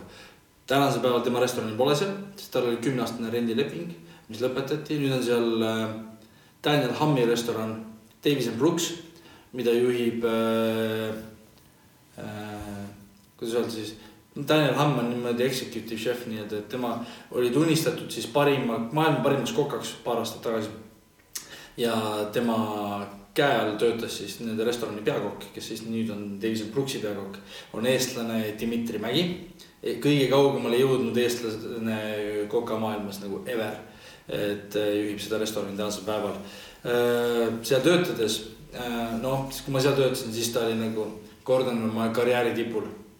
et kõige rohkem Michelin tärne, kõige rohkem tal oli toimetamist ja ma nägin teda aasta aja jooksul võib-olla mingi neli kuni kuus korda kus küsid, et, et, et kõrvast kinni võtnud, siis kõige lähem kontakt minuga oli see, et kui ma reaalselt tegelikult töötasin temaga poolteist tundi ühes köögis koos, see oli nagu maksimum. et, äh, et ta oli nagu paljude muude asjadega hõivatud, et paljud mõtlevad, et kas ta veel teeb süüa, siis ei, ta tänase päevani enam ei tee süüa. või mida me võtame nagu söögi tegemiseks nagu, et et, et Picasso on öelnud, et iga kunstnik peaks vähemalt korra päevas kas pliiatsit või pintslit käes hoidma, siis ma ütlen, et iga kokk peaks ainult nuga käes hoidma päevas korra. aga see, et kui ma teen telesaadet, siis ma ju olen kokk, ma ju tegelikult hoian ju nuga käes on ju, et äh, noh. et see on ka nii-öelda nii väga suur lai teema, et kas ta on enam kokk või ta on lihtsalt nagu ärimeheks muutunud on ju, et. Äh, et nagu ma ütlen seda, et kui me vaatame, kui palju tal edukaid restorane on, kui palju neid auhindu on võitnud ja kui palju neid raha on teeninud, siis ma ütleks seda, et see mees tunneb oma valdkonda läbi ja lõhki. et äh, jah, ma töötasin temaga koos, aga rohkem on see, et sa töötad tema süsteemis, tema mm -hmm. loodud süsteemis on nagu see olulisem väärtus äh, selle juures, kui see, et sa õpid nagu külg külje kõrval, et, et äh, et kes inimesed nagu teavad Gordoni ajalugu, siis tal hakkas ühest väiksest kolmekümne kohalisest restoranist see areng pihta et eh, sealt ta kasvatas nii-öelda oma vanemkokkasid, keda ta pani järgmistesse restoranidesse peakokkadeks, et, et need inimesed on töötanud nii-öelda Gordoniga koos ja mina töötasin nendega koos, et see on nagu sihuke põlvkondade vahetumine nii-öelda. et Gordon on suur vanaisa ees ja siis hunnik lapsi tuleb tagantjärgi. kokk, see köögi Gandalf sihuke. aga mis sa, mis, kui sa ütlesid, et äh, töötasid Gordoni poolt loodud süsteemis, siis mida see süsteem sulle õpetas, äh, ütleme koka, kokanduse kohta ja, ja võib-olla ka inimeseks olemise kohta? Mingid märkamised, taipamised ähm,? kokanduse kohta ta avas mulle hästi palju nagu silmi äh,. aga ta avas mulle nagu hästi palju silmi seda, et mida ma alguses nagu uskusin, et minu jaoks oli nagu kord nagu, no tõsi, meil oli nagu jumal nagu põhimõtteliselt nagu eba, ebareaalne vend onju. et äh, ta minu jaoks avas seda silmi, et, et kord on nagu inimene mm. -hmm. et ma räägin ühe aspekti, mis oli väga hästi, see samastumine teema, mis ma rääkisin ülemustega, see samastumine. Eestis ma pole seda näinud, meil oli seal nii-öelda staff'i kantiin oli siis kinni äh,. nii-öelda söökla, kus me iga päev lõunat saime süüa ja siis äh, ja siis äh, meil toodi McDonaldsis burgerit lõuna nagu ühe Michelin tärniga restorani, Gordon Ramsay restoran toodi McDonaldsis burgerit. ja siis oligi nagu see aspekt, et, et Gordon tuli ise sinna me sõime kusagil taga ukse trepi peal, ta tuli, istus ja küsis, kas on mingit burgerit üle ja vend sõigi nagu Big Mac heinet nagu midagi polekski olnud, et ta, ta oli nagu täiesti vend, kes on nagu gurmee, tema restoranid on maailma tipus olnud. Michelin tärn igal pool, miljonid dollarid jooksevad ja ta suudab nagu samastuda, süüa burgerit nagu mm -hmm. oma tavakokkadega koos.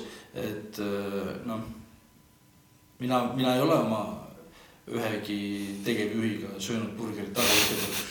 ma olen nendega söönud küll koos, ega ma ei ole nendega burgerit samastunud nagu.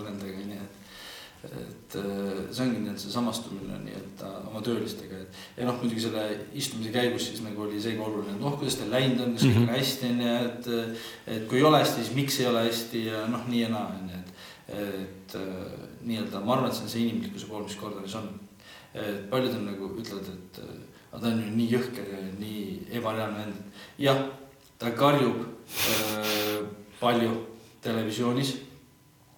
Aga kui Koka tööpäev kestab neliteist tundi ja sa vaatad kokku tund aega televisiooni, kus ta pool tundi karjub mm, -hmm. siis nagu jah, kui mingi asi ajab kopsu üle maksa, siis ilmselgelt inimene läheb kindlasti välja nagu, aga mm, keegi ei ole kunagi salvestanud ega eetrisse lasknud neid kohtasid kus ta ettevalmistuse ajal äh, muusika taustal näiteks köögis tantsib, mida mina olen oma silmadega näinud. Neid ei ole, seda inimlikkuse poolt pole Gordonist nagu näidatud, ongi maalitud sihuke jõhker kuvand, sest see, see müüb mm, -hmm. vägivald müüb tänasel päeval, et. et seda inimlikkuse poolt pole nagu palju näidatud tema poolest.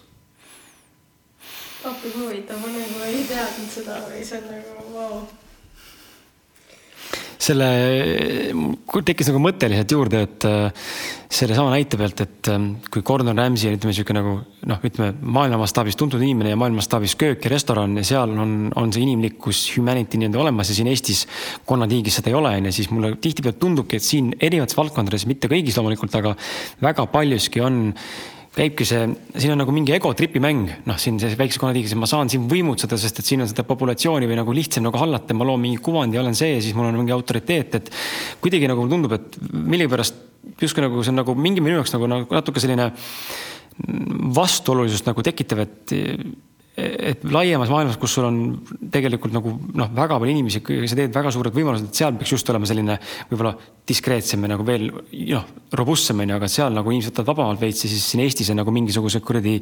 ma ei tea, sündinud nagu mingisugused saatanad koos on ju, et kellelegi üldse ei naerata ja, ja tere ei tohi öelda ja hästi kedagi ei tohi kiita jumala eest ja siis on nagu ise, ise nõrku kiidad on ju. et siis ta arvab, et ta on minust parem ja nüüd ongi perses on ju, et noh, see on nagu nii jabur, et nagu kurb natuke näha seda lihtsalt ja see ei ole ainult koka poole pealt, see on üldse tegelikult üle, noh, üleüldse selles mõttes igal pool on seda, et äh, kui palju me näeme igapäevaselt kiitmist, no nüüd vist läheb paremaks veits onju.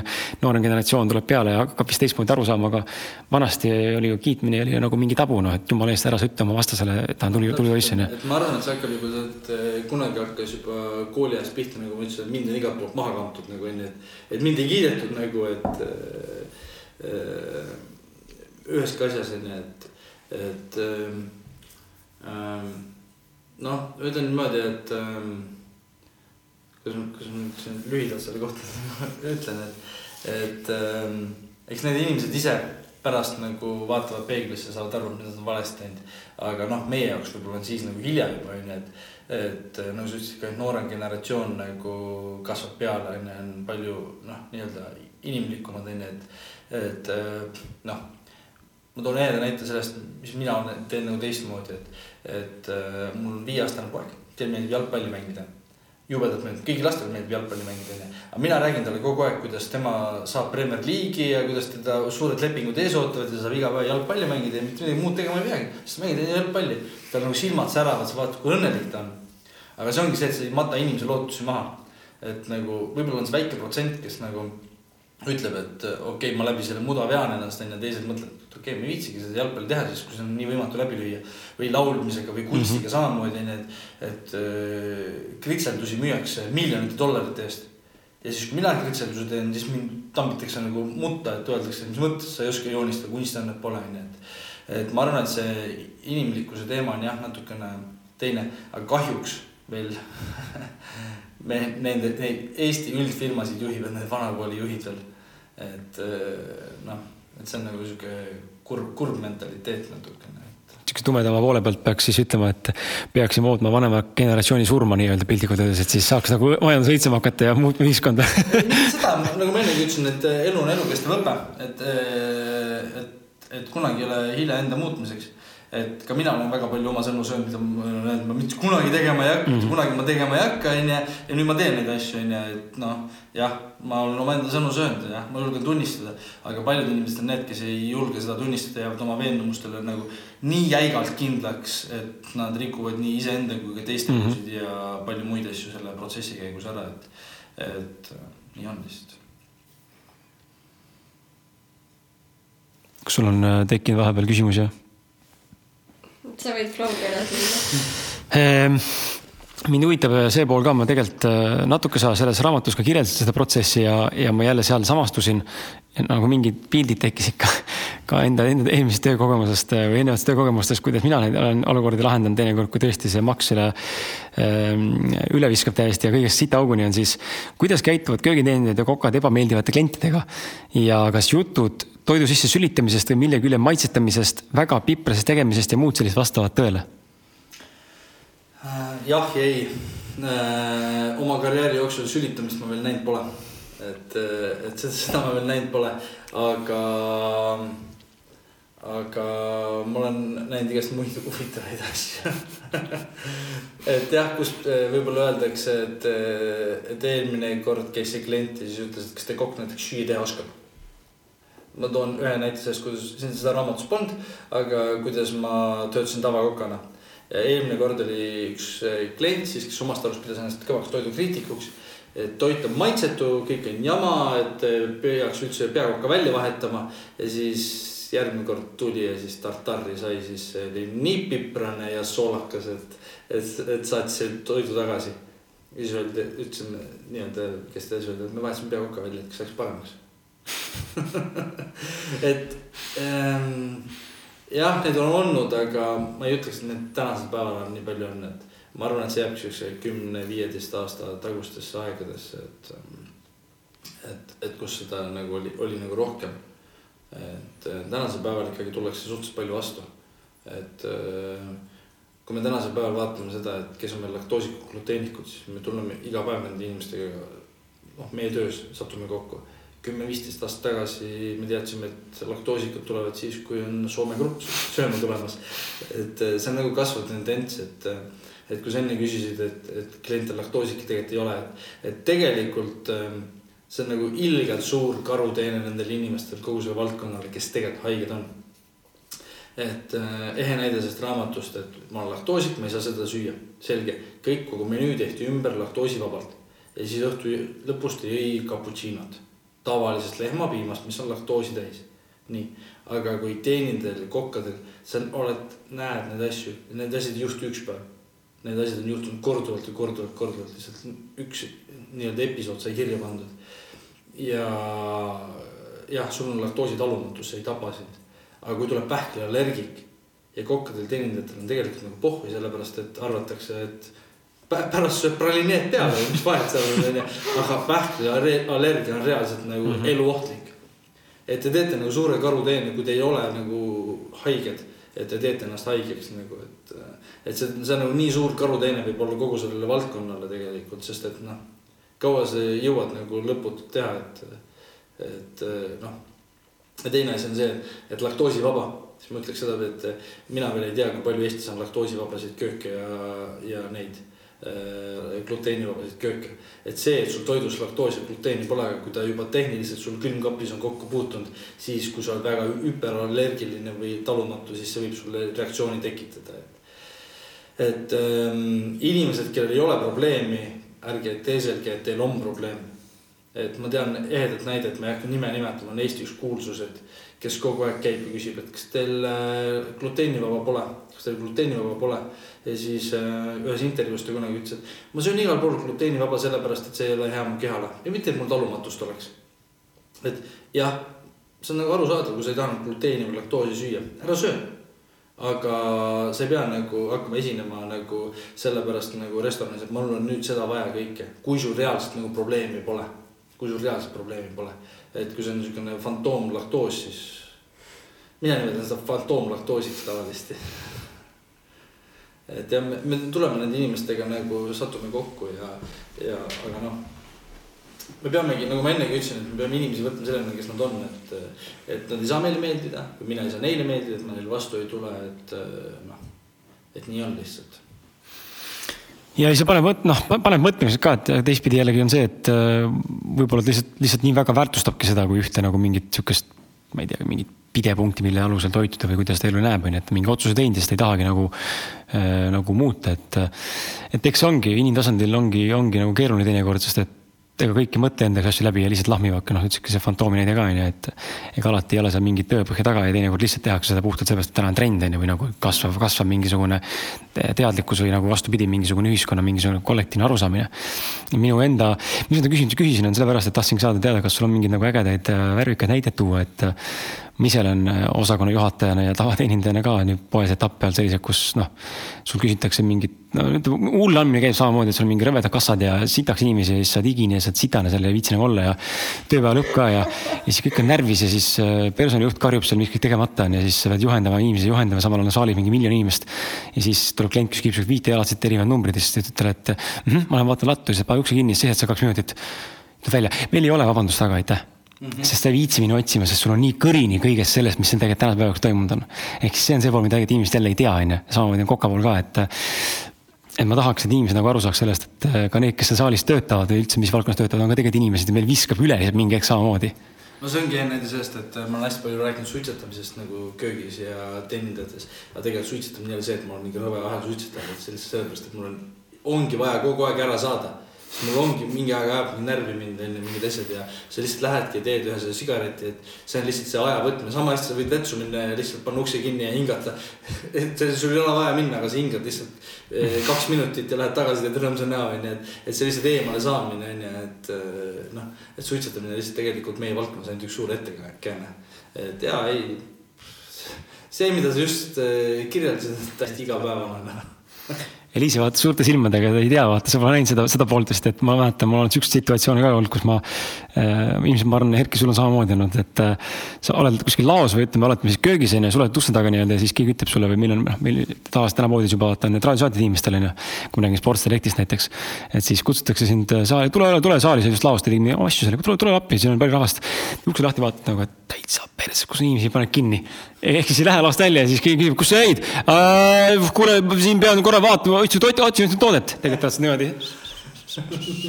oi, huvi lähen, ma ei viitsi, mul on täitsa ükskõik, ma ei taha lihtsalt rohkem olla, sure üksi seal et sihukest on ka nagu olnud vaat teist nagu tankis, sest sa ei tahagi minna sinna, su enda on nii kõrini sellest, et niimoodi kohe rünnatakse kõri kallale um,. ma arvan, et minu puhul väga vist ei ole mm. -hmm. ma arvan, et neid kirjeldatud olukordasid näiteks on kiirtoidurestoranides Neid on seal oi kui palju, võib-olla meil vaata, kui inimene tuleb ja ikkagi noh, ta eeldab, et sul on kaks tundi ikka söömisaeg. et sul ei ole niimoodi, et sul on nüüd kohe vaja ja kohe lõpeb siis, kui eel lõpeb, on ju, et. Äh, et noh, ma arvan, et äh, see on jah, rohkem seal, kus on nagu tempo kõrgem, et mingi hamburgerirestoranid või siuksed nagu seal, kus ongi nagu tempo räme peal veel, et, et seal ma usun küll, et on küll siukseid olukordasid jah Lähed külmkambrisse purkse võtma, siis jääd sinna tunni, tunniks ajaks et noh, nagu me enne Burntist rääkisime, siis Seventies all veinilaos hingamas. me kunagi vaatasime armastuse retsepti, kus Catherine Zeta-Jones mängis, siis ta käis hingamas ka külmkambris kogu aeg. et seesama muster nagu tegelikult ka läbib nagu läbi toidufilmide mm. -hmm. et kust see tuleb, see tuleb reaalsest elust, et nii see on lihtsalt. Et kui sa oled nagu Äh, kontoritööl, siis sul on hea, sa paned korra lihtsalt selle akna kinni ja rahulikult saad hingata ja siis teed uuesti ekraani peal akna lahti ja tegeled edasi selle probleemiga, aga kui sa oled nii-öelda oskustööline või sa töötad nagu nii-öelda mingi toote kallal nagu reaalselt, siis jah, lihtsalt sul on vaja mingi hetk kusagile eemale saada. ma mäletan küll, ma töötasin kunagi Bauhofis.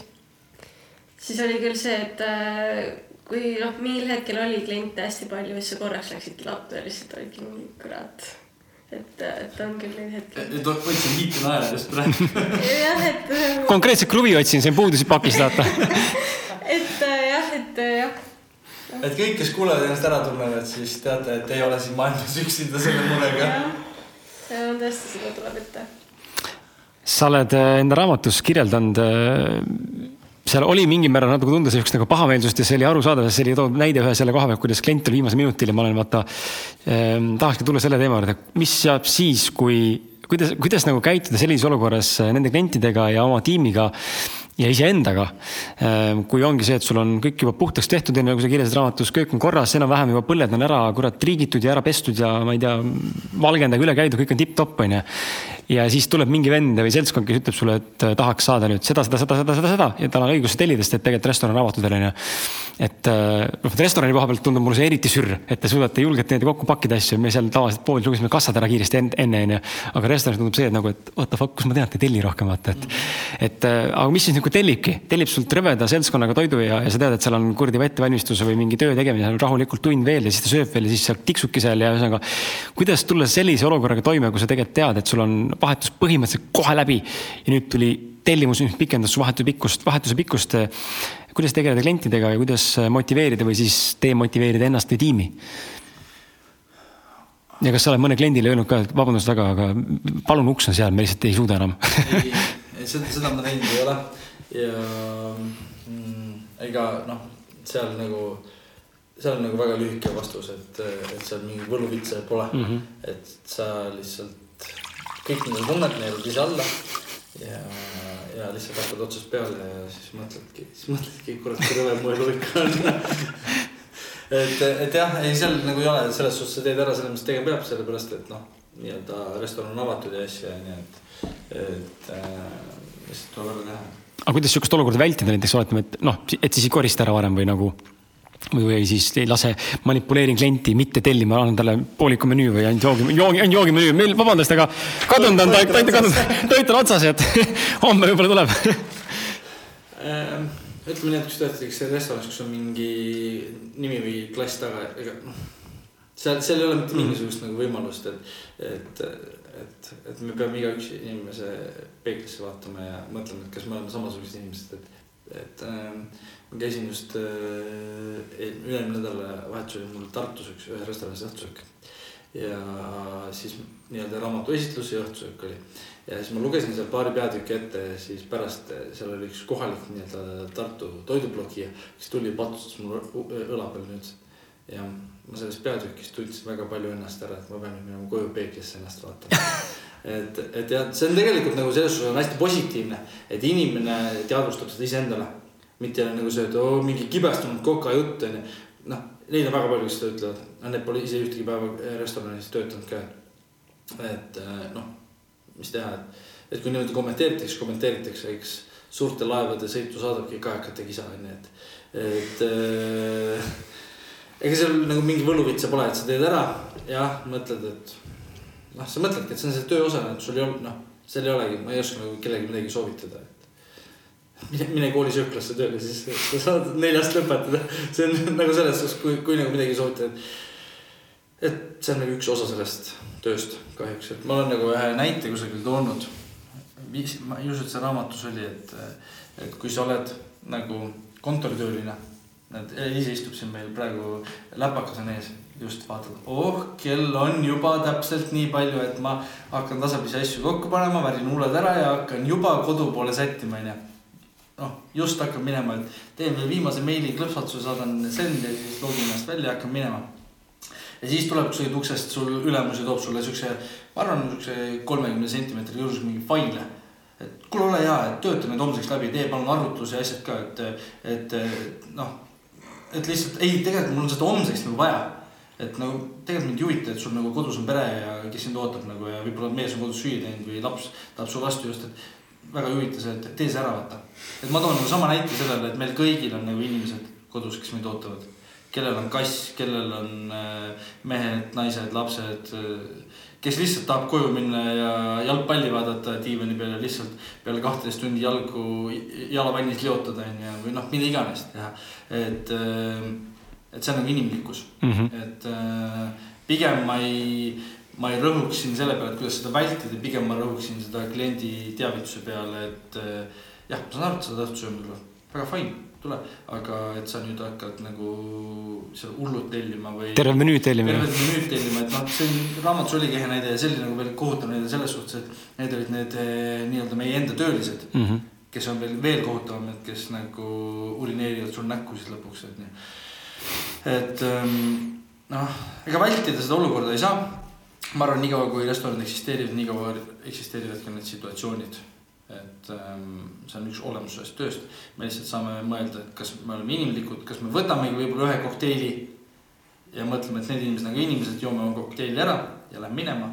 või siis oleme mitteinimlikud ja tellime terve menüü ja siis sooviks. ohime ka veel. ja ohime, tegelikult tahaks nagu äh, ikkagi vegan option'it ja tegelikult tahaks nagu laktoosivaba ja gluteenivaba ja üldse, et, et tegelikult ma seda toodet nagu üldse ei söö tegelikult et ma nagu toorest liha ei söö, aga ma tahaks nagu PÖFFi süüa, onju, et, et nagu mis, mis teil valikud on nagu, et. et noh, see ongi täpselt nagu see toidukriitik mulle ütles seal või noh, nii-öelda blogija, et see on nagu, eks igal inimesel endal peeglisse vaatamise koht seda, seda, selles mõttes on hea kuulata seda, et või kuulda, et restoranid niimoodi ei tee, et nad ei saa öelda sulle, noh, et me ei saa täna öelda sellisel tasemel, et kuule, sorry, aga tead, vaata toidumenüüd ei ole praegu, et lepi jookidega onju. ja ma olen kahel korral sattunud äh, Subway'sse sööma õhtuti, a la käisin poes ja kõht on väga tühi, võtsin kiiresti kaasa. ja me oleme kahe korra Ülemiste Subway's, mitte üldse Ülemiste ajal Subway maha teha, aga mõlemal korral on olnud see, et mingi sai on otsas ja siis nagu põhimõtteliselt on otsas enamus asjad, mis saab sinna panna onju. ja seda ei, või ka juurde teha, kuigi ta on tagaköögis olemas onju, et võtaks tal tomatihaki, võtab ju kuradi, ma ei tea, kümme, kakskümmend sekundit onju, paneb paar viilu mulle, ütleb, et mul ei ole rohkem tomati, mul on. no siis nagu sita, siit tunne tegelikult teab, mis ma siis valin, lähen mina, no tahaks süüa lihtsalt. jah, täpselt, no siis ma teinekord ei tule, onju, et noh, selles suhtes, et mina olen nagu öelnud alati, et nagu, nagu ütlesingi, et me ei saa selle vastu, noh. et me saame nagu, me saame nagu pakkuda parimat nagu nii-öelda alati iseendast nagu, et mul on alati see moto, et ma saan olla äh, alati täna parem kokk ja inimene kui eile olin mm. -hmm. et, äh, et kui ma eile tegin mingeid vigu, siis elu algab uuesti nii-öelda väikse tõusuga, onju, et. et, et ma saan olla parem ja õppida oma vigadest, et hullem on see, et ma ei õpi oma vigadest, et. et kui inimene nagu teavitab endale seda või ei teavita, siis noh, see on nagu pahasti, pahasti nagu. aga jah, kõikidele kuulajatele, kõikidele toitlustustöötajatele, et teeme need asjad ära, et on tehtud ja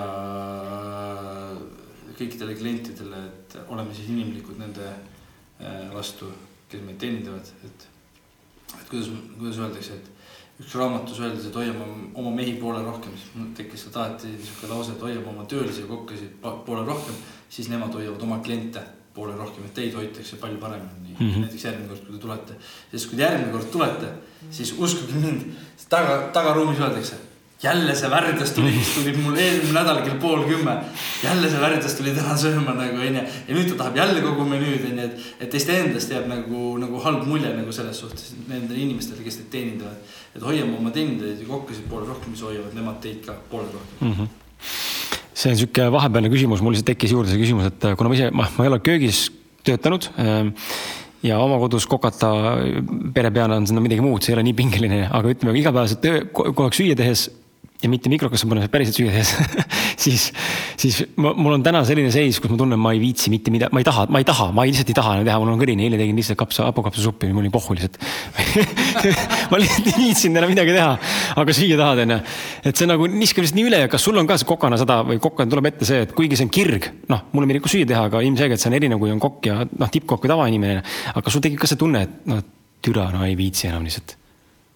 või pigem on see, et jess, ma saan jälle kokata nii tore mm,. see on siukene, ma ei oska kohe vastata. Äh, mul ei ole seda efekti olnud, et ma ei tahaks süüa teha. mul ei ole seda efekti olnud. Äh, aga kas ma tahaks teha seda süüa, mida ma igapäevaselt teen nagu oma restoranis, seda, seda, seda tunnet mul ka ei ole kindlasti, et äh, ja mõnikord, kui ma lihtsalt kodus süüa ei tee, on sellepärast, et ma lihtsalt füüsiliselt ei jaksa. et lihtsam ongi pitsat tellida või nuudlit tellida vahest inimesele ja vahest rämpstoitu ka süüa, et jah, seda söövad kõik kokad ka, et äh.... ei ole nii, et kodus on ka Gordon Ramsay äh, köök on kogu aeg on ju, kõik on noad, noad, värgid ja kõik tippvärk on maitsesta on ju. ei ole jah, et ähm, äh, mulle meeldib kodus ka süüa, suurima hea meelega, nii palju kui ma kodus olen nagu. Et äh, ma kindlasti teen hea meelega seda süüa, aga kindlasti ma teen hoopis teistmoodi asju kui oma restorani köögis mm. -hmm. et, et minu jaoks äh,, minu jaoks söögi tegemine on äh, rahustav.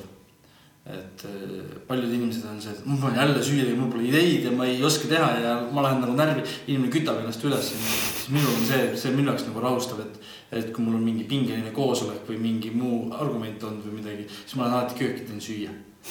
Ma olen nagu omas, omas flow's olen nagu omas zone'is nagu, siis mul alati, ma vaatasin ühte Kobe Bryantist ühte dokumentaalfilmi, kus ta viskas ühes mängus kaheksakümmend punkti Nagu- põhimõtteliselt terve mängu skoor peaga no peaaegu, ta viskas kaheksakümmend punkti nii-öelda mängust. et see oli siis nagu põhimõtteliselt teine tulemus NBA-s ja siis tal, ta nagu kirjeldas seda, et I m in the zone. et ta ei vaadanud skoori, ta lihtsalt tegeles selle olukorraga, ta lihtsalt loopis palli peale, kõik läks sisse. Et nii oligi ja siis ma ütlen nagu see on sama, et kui sa nagu teed süüa, et sa oled nagu omas tsoonis, omas mullis nagu, et, et see rahustab. et minu jaoks on see kogemus nagu rahustav et kõik muu, mis selle juurde käivad nagu jah, sa hoiad hinge kinni, et äh, sul hommikusöögikokk jõuab tööle ja et sul üldse mõni kokk tööle jõuab, et hoiad nagu hinge kinni ja, ja siis küll sul on lahkarvamused nii-öelda ülemustega inventuuris osas või noh, see on see, mis minu jaoks nagu kütab emotsiooni ülesse. Äh, aga kui me võtame nüüd nagu söögi tegemine nagu eraldi protsess, siis see on minu jaoks nauditav ja rahustav tegevus mind on alati huvitanud äh, ma ei tea, kas Eliise sind ka on äh, ja sind enne kui sa kokaks päriselt hakkasid ja nagu köögis tööle hakkasid, mind on alati huvitanud see, et kui ma lähen restorani äh, või, või söögikohta, kus ma kööki otseselt ei näe ja seal on menüüs näiteks päevasupp, päevapraad siis mis kuradi valemiga te jaotate neid koguseid niimoodi, et teil on alati võtta, sest need jõuavad suht kiiresti lauda alati. et nagu mind huvitab see protsess, kas te alati supi puhul siis teete mingi ilma mingi suure, mingi sajaliitrise supiga teete suppi onju või teete iga kord uuesti onju või siis. et millal, millised on need road, mis tehakse nii-öelda siis nagu ette nii-öelda päevalõike, päevaks või mingiks koguse, ma ei tea, kuidas, kuidas üldse seda jaotatakse või mõõdetakse. et palju sellest jagub ja millised on need road siis, mis saavad kiiresti valmis, aga tegelikult tehakse nullist mismoodi need dünaamikad nagu jaotatakse seal, kuidas see toit tegelikult nagu päriselt köögist nagu lauale jõuab, mind see pool väga huvitab äh,. minu restoranis, kuna ma töötan nii-öelda fine dining suunitlusega restoranis, siis me teeme absoluutselt kõike nullist nagu põhimõtteliselt igapäevaselt me küpsetame oma leivad, saiad, kõik asjad ise nullist nagu, et, et jah, me teeme nagu nullist põhimõtteliselt peaaegu iga päev, mõned ettevalmistused jah, kus sa teed nagu kastet keedad, sa keedad niimoodi, et see jätkub homseks ja ülehomseks onju. Aga kõik on nullist, aga nii-öelda päevaprae situatsioonides siis jah, sa keedadki sada liitrit nii-öelda piltlikult öeldes sada liitrit suppi ette ja siis hakkad nagu koolisöökla moodi jagama järjest nagu välja, sest sa tead, et kell kaksteist, siis on nagu rush hour, sul on korraga nagu inimesed tulevad lahmaki ja siis on nagu kõik korraga vaja välja ka saata, et. et siis jah, tehakse põhimõtteliselt nagu kõik asjad ette ära, et ainult nagu ahjust läbi ja korraks tulele ja mm -hmm. kohe välja, et, et see kiirus oleks taga, et. see ongi see, et kuidas restoranid nagu on nagu erinevalt suunitletud et, et kindlasti noh, sa ei oota sealt, sealt, see on see hetk, kus sa ootad nagu kõhutäidet.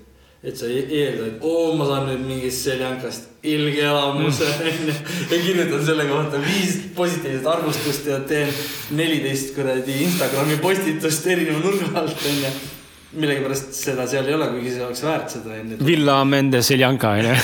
meil õnneks pole siin kahjuks onju, et äh, aga ometi siis need inimesed, kui sa lähed nagu äh, naisega koos nagu sööma ja siis võtad kaks tundi aega ja siis ongi see, et sa pildistad nagu toitu kaua, sööd seda onju, et.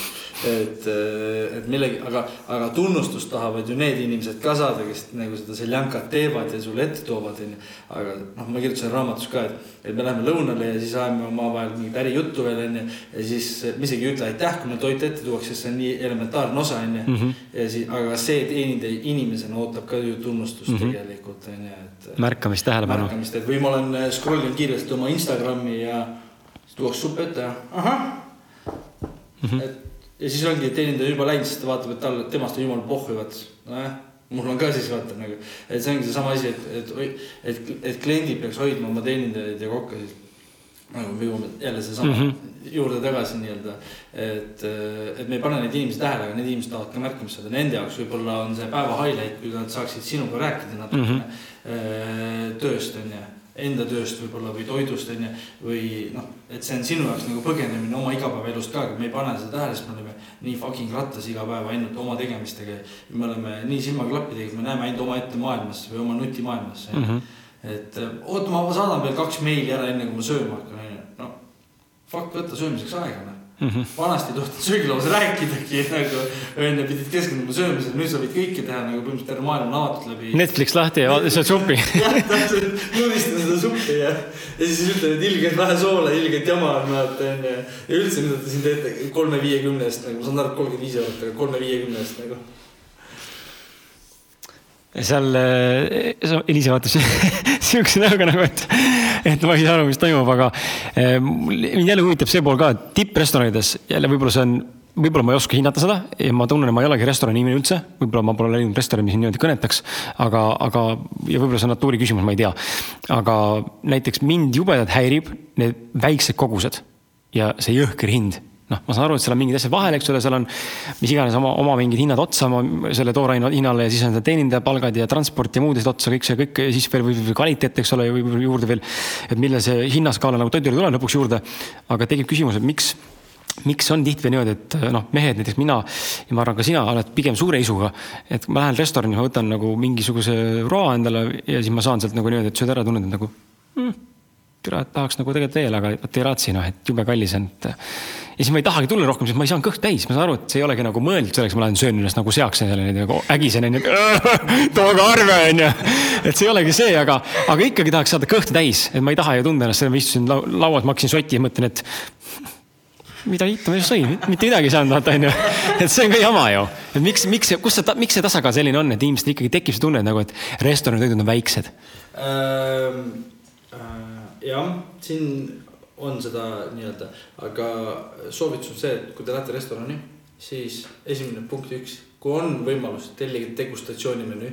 Te saate ülevaate, lühiülevaate tervest menüüst, sul on iga käik väikene, aga iga väike käik, eh, punkt üks on seda, et see on sinu jaoks uus maitseelamus nagu ja kui sa lähed, võtad nagu neljateistkäigulise menüü, kus maksadki soti või sott kakskümmend onju, aga sa saad neliteist erinevat elamust punkt kaks on see, et kui sa saaksid sellest heast asjast ennast äh, kõhtu täis süüa, siis sa ei tuleks mitte kunagi selle mm -hmm. järgi tagasi enam.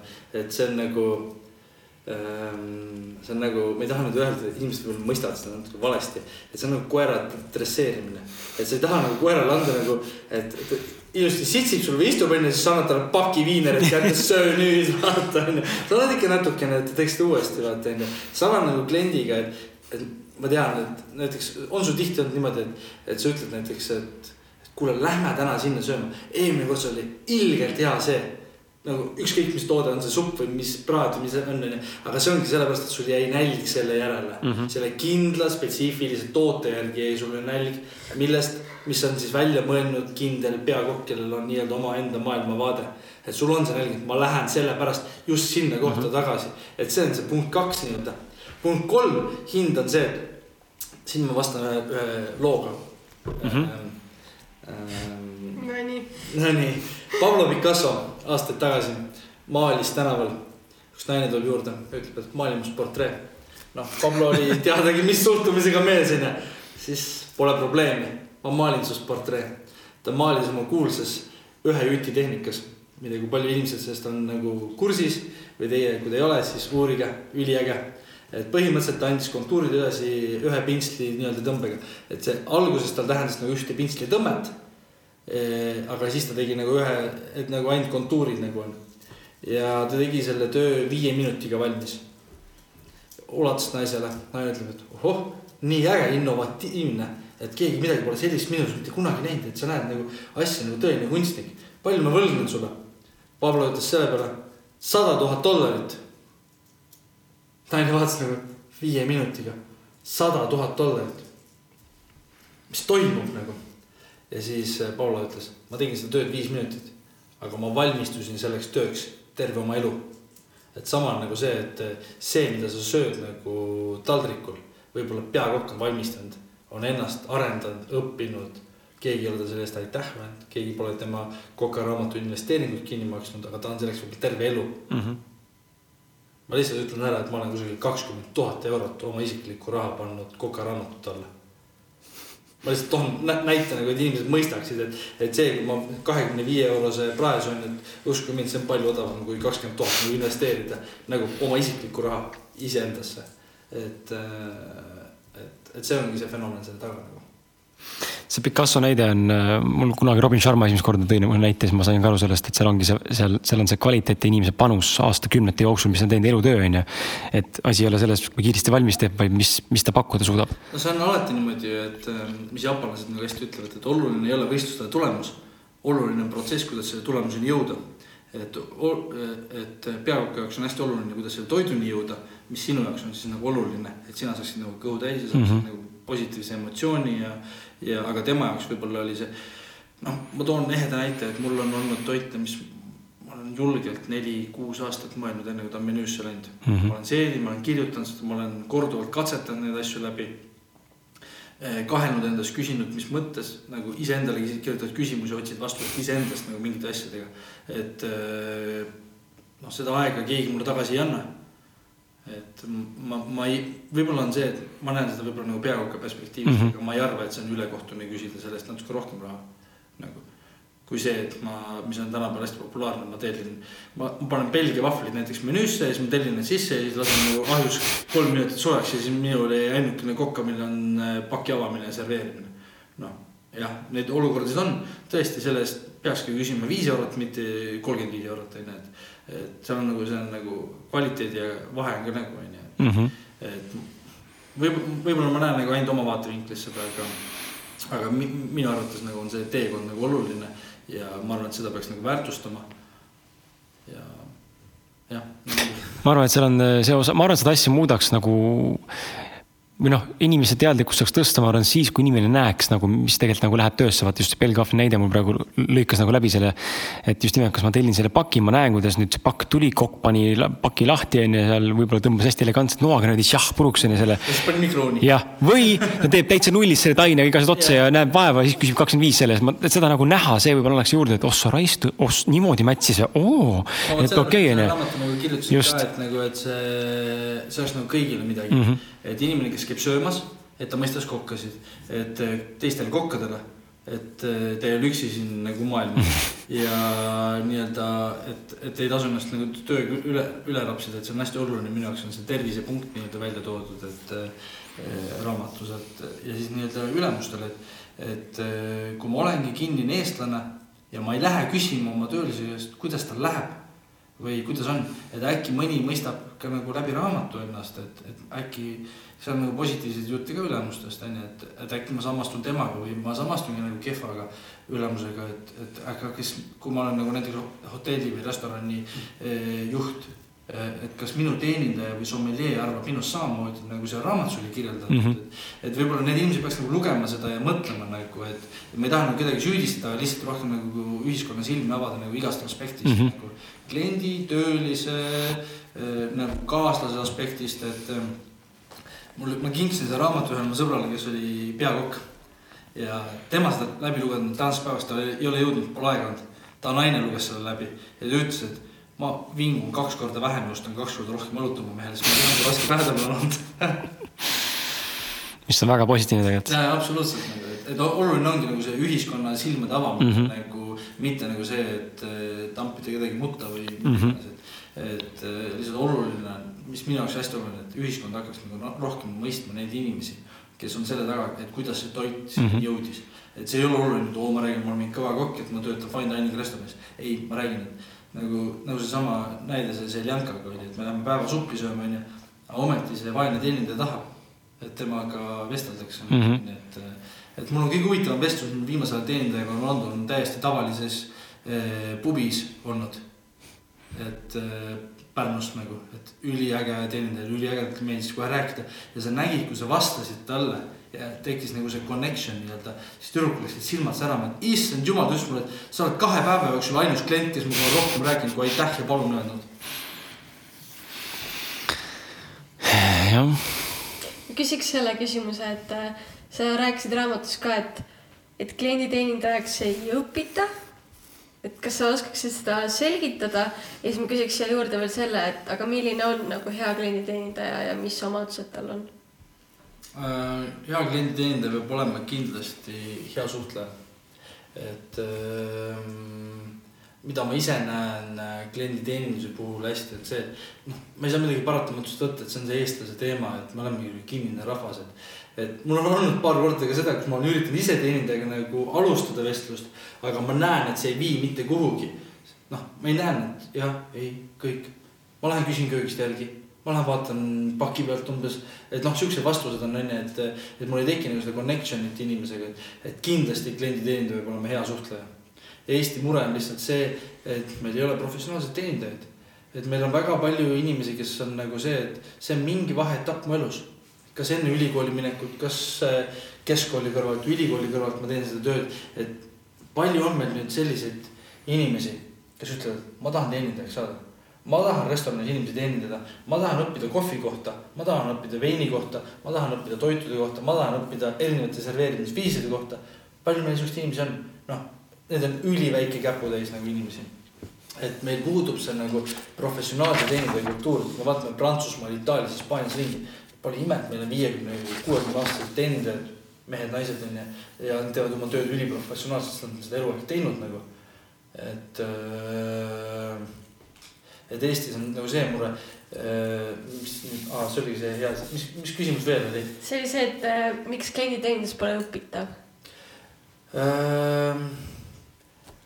ma arvan, et äh, elementaarsed asjad on õpitavad. Elementaarsed asjad, kust restoranis panna, kustpoolt toit serveerida.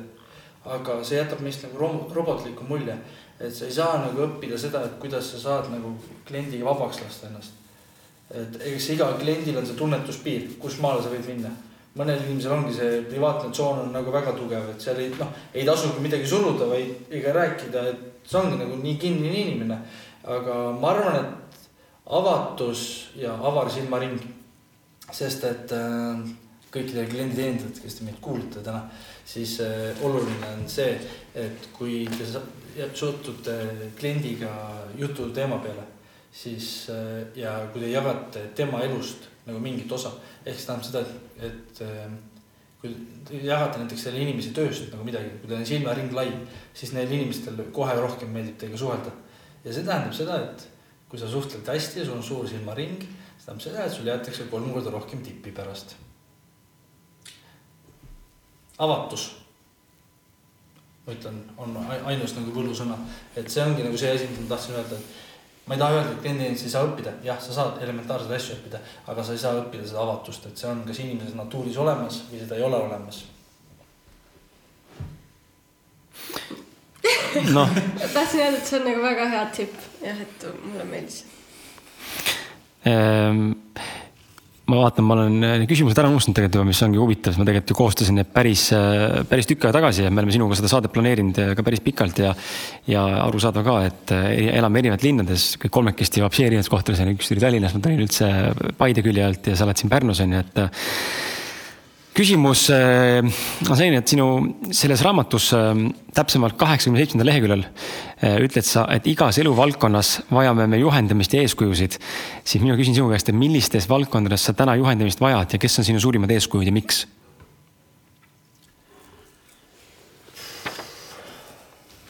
kas võib ära minna aitäh. vaat äh, oh see, vot see on nii tiip küsimus. see on nii tiip küsimus, et äh, äh, ma arvan, et mina oma elus valin, vajan juhendamist kõige rohkem elamises. ja ma mõistan elamist selle all, et, et kõik oleks nagu tasakaalus. et äh, et elu on see, nii-öelda, kes meid kujundab, meie harjumused on et, et point on see, et kui ma elan ebatervislikku elu, et siis ka seal oleks tervislik pool. et kui ma töötan palju, et siis ma ka puhkan sama palju. et kui mul on mingi eneseteostus, nii-öelda nagu see raamatu näol või midagi, siis peab mingi aeg ka minul endal olema. kui ma annan teistele midagi, ma pean ise midagi vastu saama. ehk siis tahaks oma väikses toas olla ja rulo ette tõmmata ja lihtsalt olla nagu onju ja unustada oma kohustused ära. ma arvan, et mul on nagu kõige rohkem seda vaja. sest et peale seda raamatu ilmumist nagu paljud on öelnud, Erki, sa ikka töötad samamoodi edasi, siis ma ütlesin. ma ei oska nagu midagi öelda, siis ma ütlesin selle legendaarse sõnumi, mida nagu preestrid ütlevad, et elage mu sõnade järgi, mitte mu tegude järgi, et äh, ma arvan, et selles elamises võib-olla, elamise kunstis võib-olla, võib-olla ka seda, minus ei ole veel nii palju seda pohhuismi nagu sees, et, et võib-olla ma ikkagi dramatiseerin mingid asjad üle. Et mul on see hästi see komme, et ma, kõik on nagu kohe pekkis, kõik on nagu täiesti läbi, et ma nagu hull pablan üle, isegi ma ei näita välja seda. ja siis, kui tegelikult see asi läbi, siis ei olnudki midagi, onju. aga see on mingi osa minust nagu, et võib-olla, võib-olla selles osas ähm, ja mis see teine pool oli, et kes on mu suurimad eeskujud mm? -hmm. ja miks uh,? Uh, uh. või suurim eeskuju mm. välja arvatud Gordon Ramsay ähm, suurim eeskuju ähm,. Ma arvan, et mu enda laps mm. -hmm. ja miks või? sellepärast, et äh, kui täiskasvanute maailmas on tabu, et ma ütlen seda, mida ma mõtlen, siis laste maailmas on see nagu teistmoodi. minule mu laps ütles eelmine nädal, et issi, sa oled paks tänaseks päevaks mul on kolmas jooksuring Pärnu rannast tehtud hommikuti. ja esimene jooksuring oli niimoodi, ma mõtlesin, ma suren sinna ära. vaatasin päikseloeng, mõtlesin, vähemalt ilus surm on ja hullu et, et võib-olla selles mõttes, et ähm, jällegi noh ma ütleks ka Picasso siis, selles suhtes ma jällegi jõuan siin ühe väitega Picassoni, et, et igas lapses on kunstnik, aga me peame oskama seda säilitada, mitte et ühiskond seda ära rikuks mm. -hmm. et, et ma arvan, et me, me kõik võtame elu liiga tõsiselt tänapäeva ühiskonnas, ma arvan. Võib-olla siukseid eluterve pohhuisme, pohhuiste on võib-olla, ma ei tea, kümme protsenti ütleme, onju, üheksakümmend protsenti inimestest võtab elu liiga tõsiselt, et mul on vaja seda ja mul on vaja toda ja mul on vaja äh, kolmandat asja ja ma pean selle nimel nagu kõvasti vaeva nägema, onju. ja kui seda ei saa, siis on perses. siis on perses, aga miks on sul vaja seda kõige uuemat iPhone'i mm? -hmm. sellepärast, et. kõigil teistel. Instagramis mm -hmm. näitas ja naabrimehel on ka mm. -hmm. Et äh, noh, me olemegi erinevad indiviidid, et, et ma arvan, et äh, seda äh, puhuismi ja seda lapselikkust peaks meil kõigist nagu rohkem olema et äh, alates nagu, nagu kõigist, alates nagu valitsuse teemast, alates õpetajatest, kes äh, peaksid ka oma vanemas eas samastuma nagu õpilastega. et mul, mul elukaaslane nagu õp, õpetaja nagu ja siis ma nagu olemegi mõelnud, et et miks nagu osad õpilased vihkavad teatud õpetajaid. sest minul on öelnud minu õpetatavad, et nad vihkavad teatud õpetajaid mm. -hmm aga äh, ma sain sellest ühest, ühel hetkel aru, kui üks tund kattus teise tunniga koolis. noh, jooksis nii-öelda sisse nagu onju. ja siis üks poiss läks ja ütles, et, äh, et me jääme kogu klassiga hiljaks. et me lõpetame ühe tunni ära ja siis me tuleme teie tundi. ja õpetaja vastus oli see, mitte mis probleem või mis mõte. mind ei huvita teie elulugu, ma ootan teid selle kellani mm, -hmm. kõik et kui ta nagu suudaks nagu inimesed ka õpetada haridussüsteemis, valitsuses, politseinikud, arstid, kõik nagu suudaksime nagu me rohkem laskuda nagu noorte või lapselike või üldse kõigi teiste inimeste tasemele. samastuda siis. samastuda mm -hmm. jah, nii-öelda, siis me mõistaks neid paremini. jah, me ei pruugi alati meeldida, aga meil pole valikut selles suhtes mm. -hmm. seal õpetajal ei ole valikut, kui teine tund läheb üle, no sorry, seda juhtub, ka sinu tund on üle läinud ja jooksnud teise tundi sisse. et noh, aga samas ei ole, sellest ei ole maailma lõpp nagu jätan kaks asja rääkimata, räägin järgmine tund uuesti või mm -hmm. noh, üle onju. et, äh, et nii-öelda samastuda nende teiste inimestega, ma arvan, et või vähemalt üritada, okei okay,, nagu samastuda on nagu raske, iseenesest on nagu raske muuta, aga vähemalt võiks proovida üritada äh, samastuda nagu mingil määral teiste inimestega ja mõelda nagu teised. et kui see ei sobi mulle, noh, ei sobi, ei pruugi kõigile kõik asjad sobida mm, -hmm. aga et nagu me vähemalt üritame, näeme seda, et äh, noh, nagu me näeme ju politseinike seas on ka ju, on väga, mul on isiklikult on väga normaalseid kontakte politseinikega, kes on nagu väga inimlikud. Ja siis on nagu need teised, kes on nagu need äh, nagu need politseinikud, kes kodus ka kumminuia kannavad ja kes kodus CSI-d vaatavad ja, ja mingeid siukseid asju ja siis noh, ongi nii-öelda nagu mingite lapsepõlve traumade ja asjadega onju. aga ühiskond ainult märkab neid kehvemat mm, -hmm. aga neid kehvemat võib ainult üks protsent olla. aga lihtsalt see läheb kui kulutulija, sest neil on nagu negatiivsus, see negatiivsus tänapäeva ühiskonnast müüb. et, et jah, ma arvan, et see samastumine nii-öelda teiste inimestega, et see on nagu, on nagu see võlusõna mm, -hmm. ma arvan mul on, Liise, ainult üks küsimus äh, jäänud. Ähm, jah, mis seis sul on? mul on ka üks küsimus tulista ähm,. ma tahtsin lihtsalt küsida siukse küsimuse, et äh, sina kui spetsialist oskaksid soovitada mingeid häid restorane Eestis, kuhu võiks nagu minna, kus on head klienditeenindus ja kus võiks saada nagu lahed maitseelamused um,? Neid on päris palju no,. Mingi... aga, aga ma ei saa öelda uh, top viis minu arust või yeah.? Um, mul on nagu väga raske seda nagu öelda.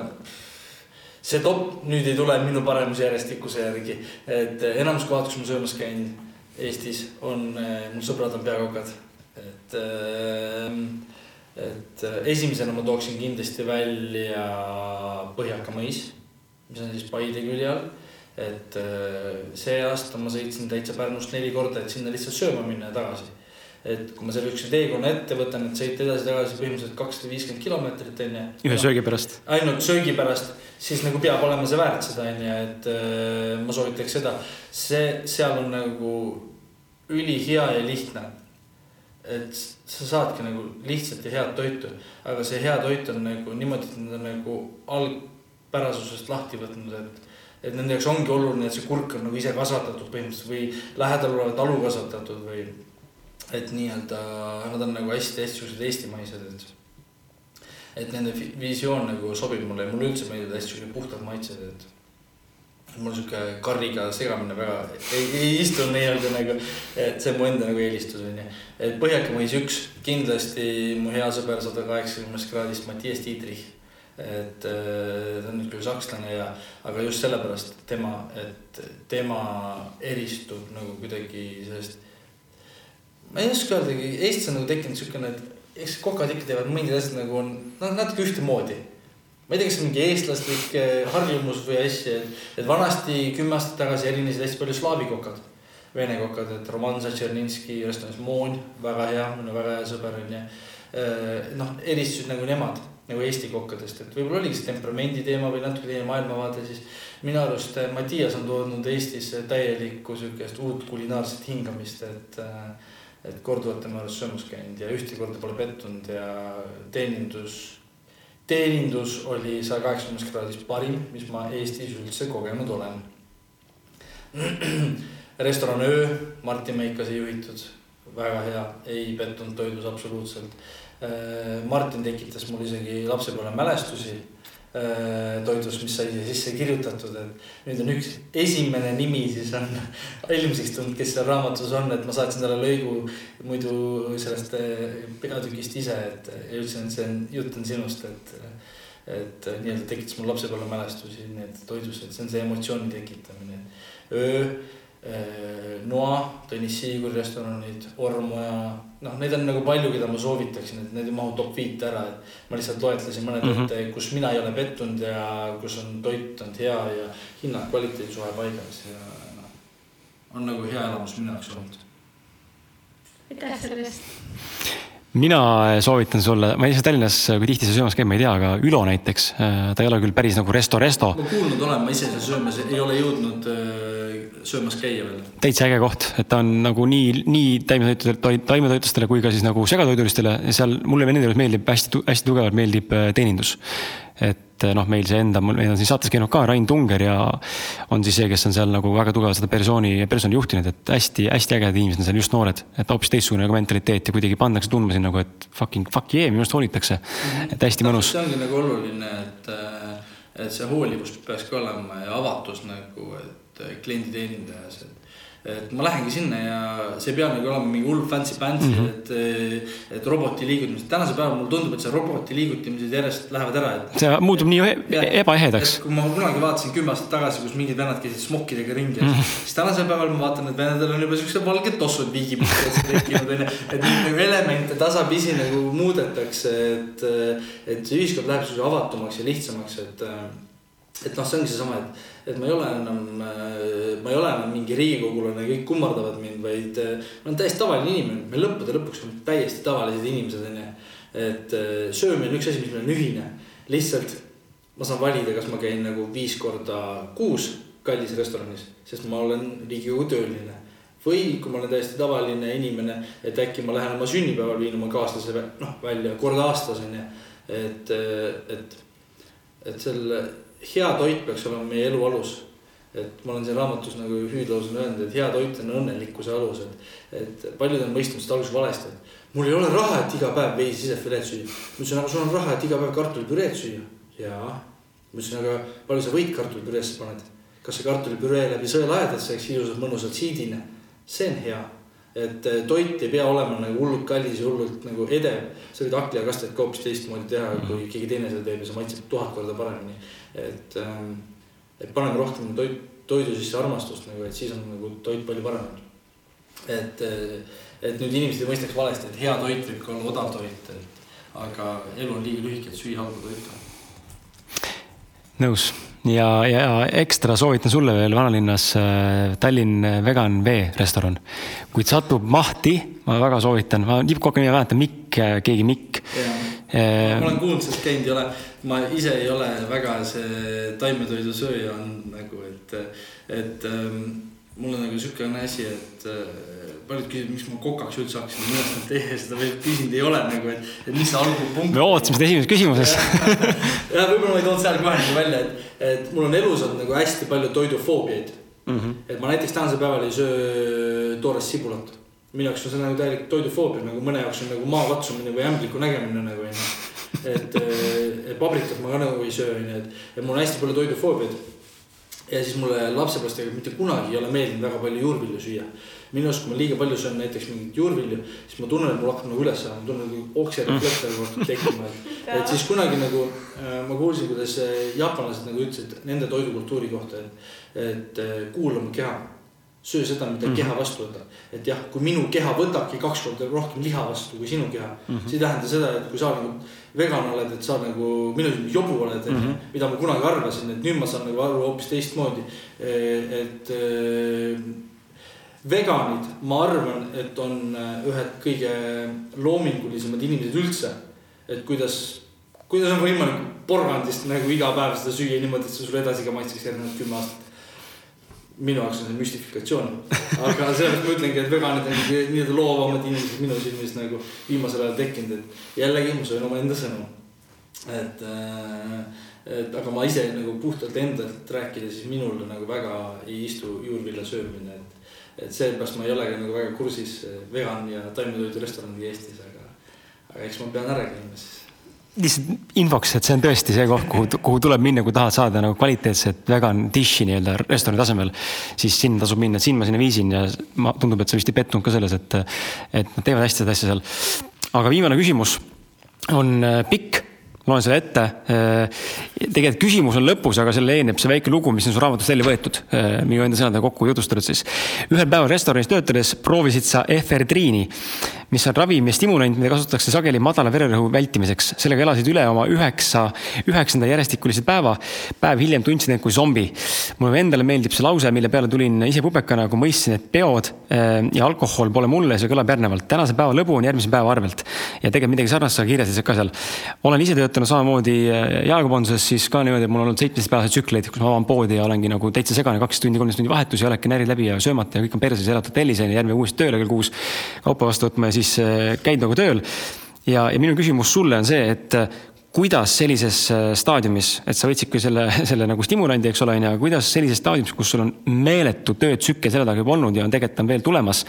kuidas äh, tulla toime sellise ületöötamisega ja kuidas teha tööd nii, et pärast panustamist ei oleks meil tühjad pigistatud sidrunid? see on vastus sulle, Liisa, kuidas siis ennast mitte ära tappa praegusel perioodil mm,? seda küsimust ma olen kõige kõrgem, kauem kartnud et me jõuame nende keelatud aineteni et äh, ei ole mingi ime, et neid keelatud aineid äh, köögimeeskonnas äh, tarbitakse äh, üle maailma äh,. kokaiin, amfetamiin, suht tavaline teema juba tänasel päeval nagu. et efedriin, noh, efedriin on siis nii-öelda aine, mis kasutavad äh, tõstjad ja nii et see on hetkelise soorituse suurendamiseks nii-öelda mõeldud kas ta nüüd on anapool, anapoolne steroid on või no, igastahes keelatud aine väike kikk sihuke. ja mm, -hmm. ja et ta, ta ongi nagu, et kui sa teed nagu oled seitse päeva, üheksa päeva või kümme päeva järjest tööl, sa teed pool päeva tööd ära. sa tunned pooleks päevaks, et sul pilt hakkab eest ära minema, sa lihtsalt ei jõua, aga sa vaatad, sul on seitse tundi veel jäänud ja veel intensiivsemat aega ja sa panedki paugu efedriini sisse ja sa tunned ennast nagu täiesti, et ma olen Erik Superman, valmis maailma vallutama nagu. et eh, ma ei arva, et see on nagu okei okay.. Ma kardan, et see on niisugune valu, ilu ja valu meie mm, -hmm. meie töös. et ähm, kõige olulisem on see, et mitte sinnamaani ennast viia see on nagu hea soovitus küll, et ma näen, mõlemad naerate selle peale. lihtne öelda jah. lihtne öelda onju, et eks nagu ma ütlesingi, et endal on seda raske teha onju, et ähm, kõige olulisem ongi nagu see taastumise efekt, ma arvan. et, et kui sa tunnedki, et sul on üheksa päeva, viis päeva, seitse päeva, sul on pikalt tööd päevad teha. et siis see tähendabki seda, et sa lähed koju, sa magad, käid võib-olla vannis, võib-olla teed jalavanni, võib-olla sa määrid oma jalgu mingi jahutava keeliga asjadega onju, et. et mis su hinge nagu turgutab onju, et, et see kindlasti ei tur- turguta, et kui ma nüüd lähen et mul sai raske tööpäev läbi ja nüüd ma lähen linna peale rokkima ja joon võimalikult palju alkoholi, siis jah, alkohol mingil määral ta turgutab nagu onju, et keegi ei ütle, et sa ei või koju minna ja klaasi veini juua onju, et ja vaadata jalgpalli või vaadata ükskõik mida telekas onju, et ja lihtsalt nagu mediteerida nii-öelda tund aega. ma arvan, et see on nagu see enesesäästlikkus ja eneseteavitus on nagu see oluline osa, kuidas sellele tempole vastu pidada. mis seal veel oli? et äh, isegi ei mäleta enam et, et kuidas sellega toime tulla just ületöötamisega ja, ja et, et sa ei oleks pärast nagu, nagu jah, tõesti surnud noh. Äh, no ületöötamisega toime tulla on, see on nagu väga keeruline, et ähm, ma olen oma elus kaks korda läbi põlenud äh,. üks kord äh, ma ei teinud neli kuud süüa. kodus või köögis? üldse, ma ei Okei. teinud tööd ka neli kuud. ma, ma ei suutnud lihtsalt, ma reaalselt ma ei suutnud nagu, et ma ei suutnud noa kätte võtta. mul naine oli kodust ära läinud, ma võtsin noa kätte, viskasin tagasi sahtlisse, ma ütlesin, ma ei suuda. ma lihtsalt ei suuda, ma ei suutnud võid ka leiva peal määrida, mul tekkis kohe sihuke vastumeelsus.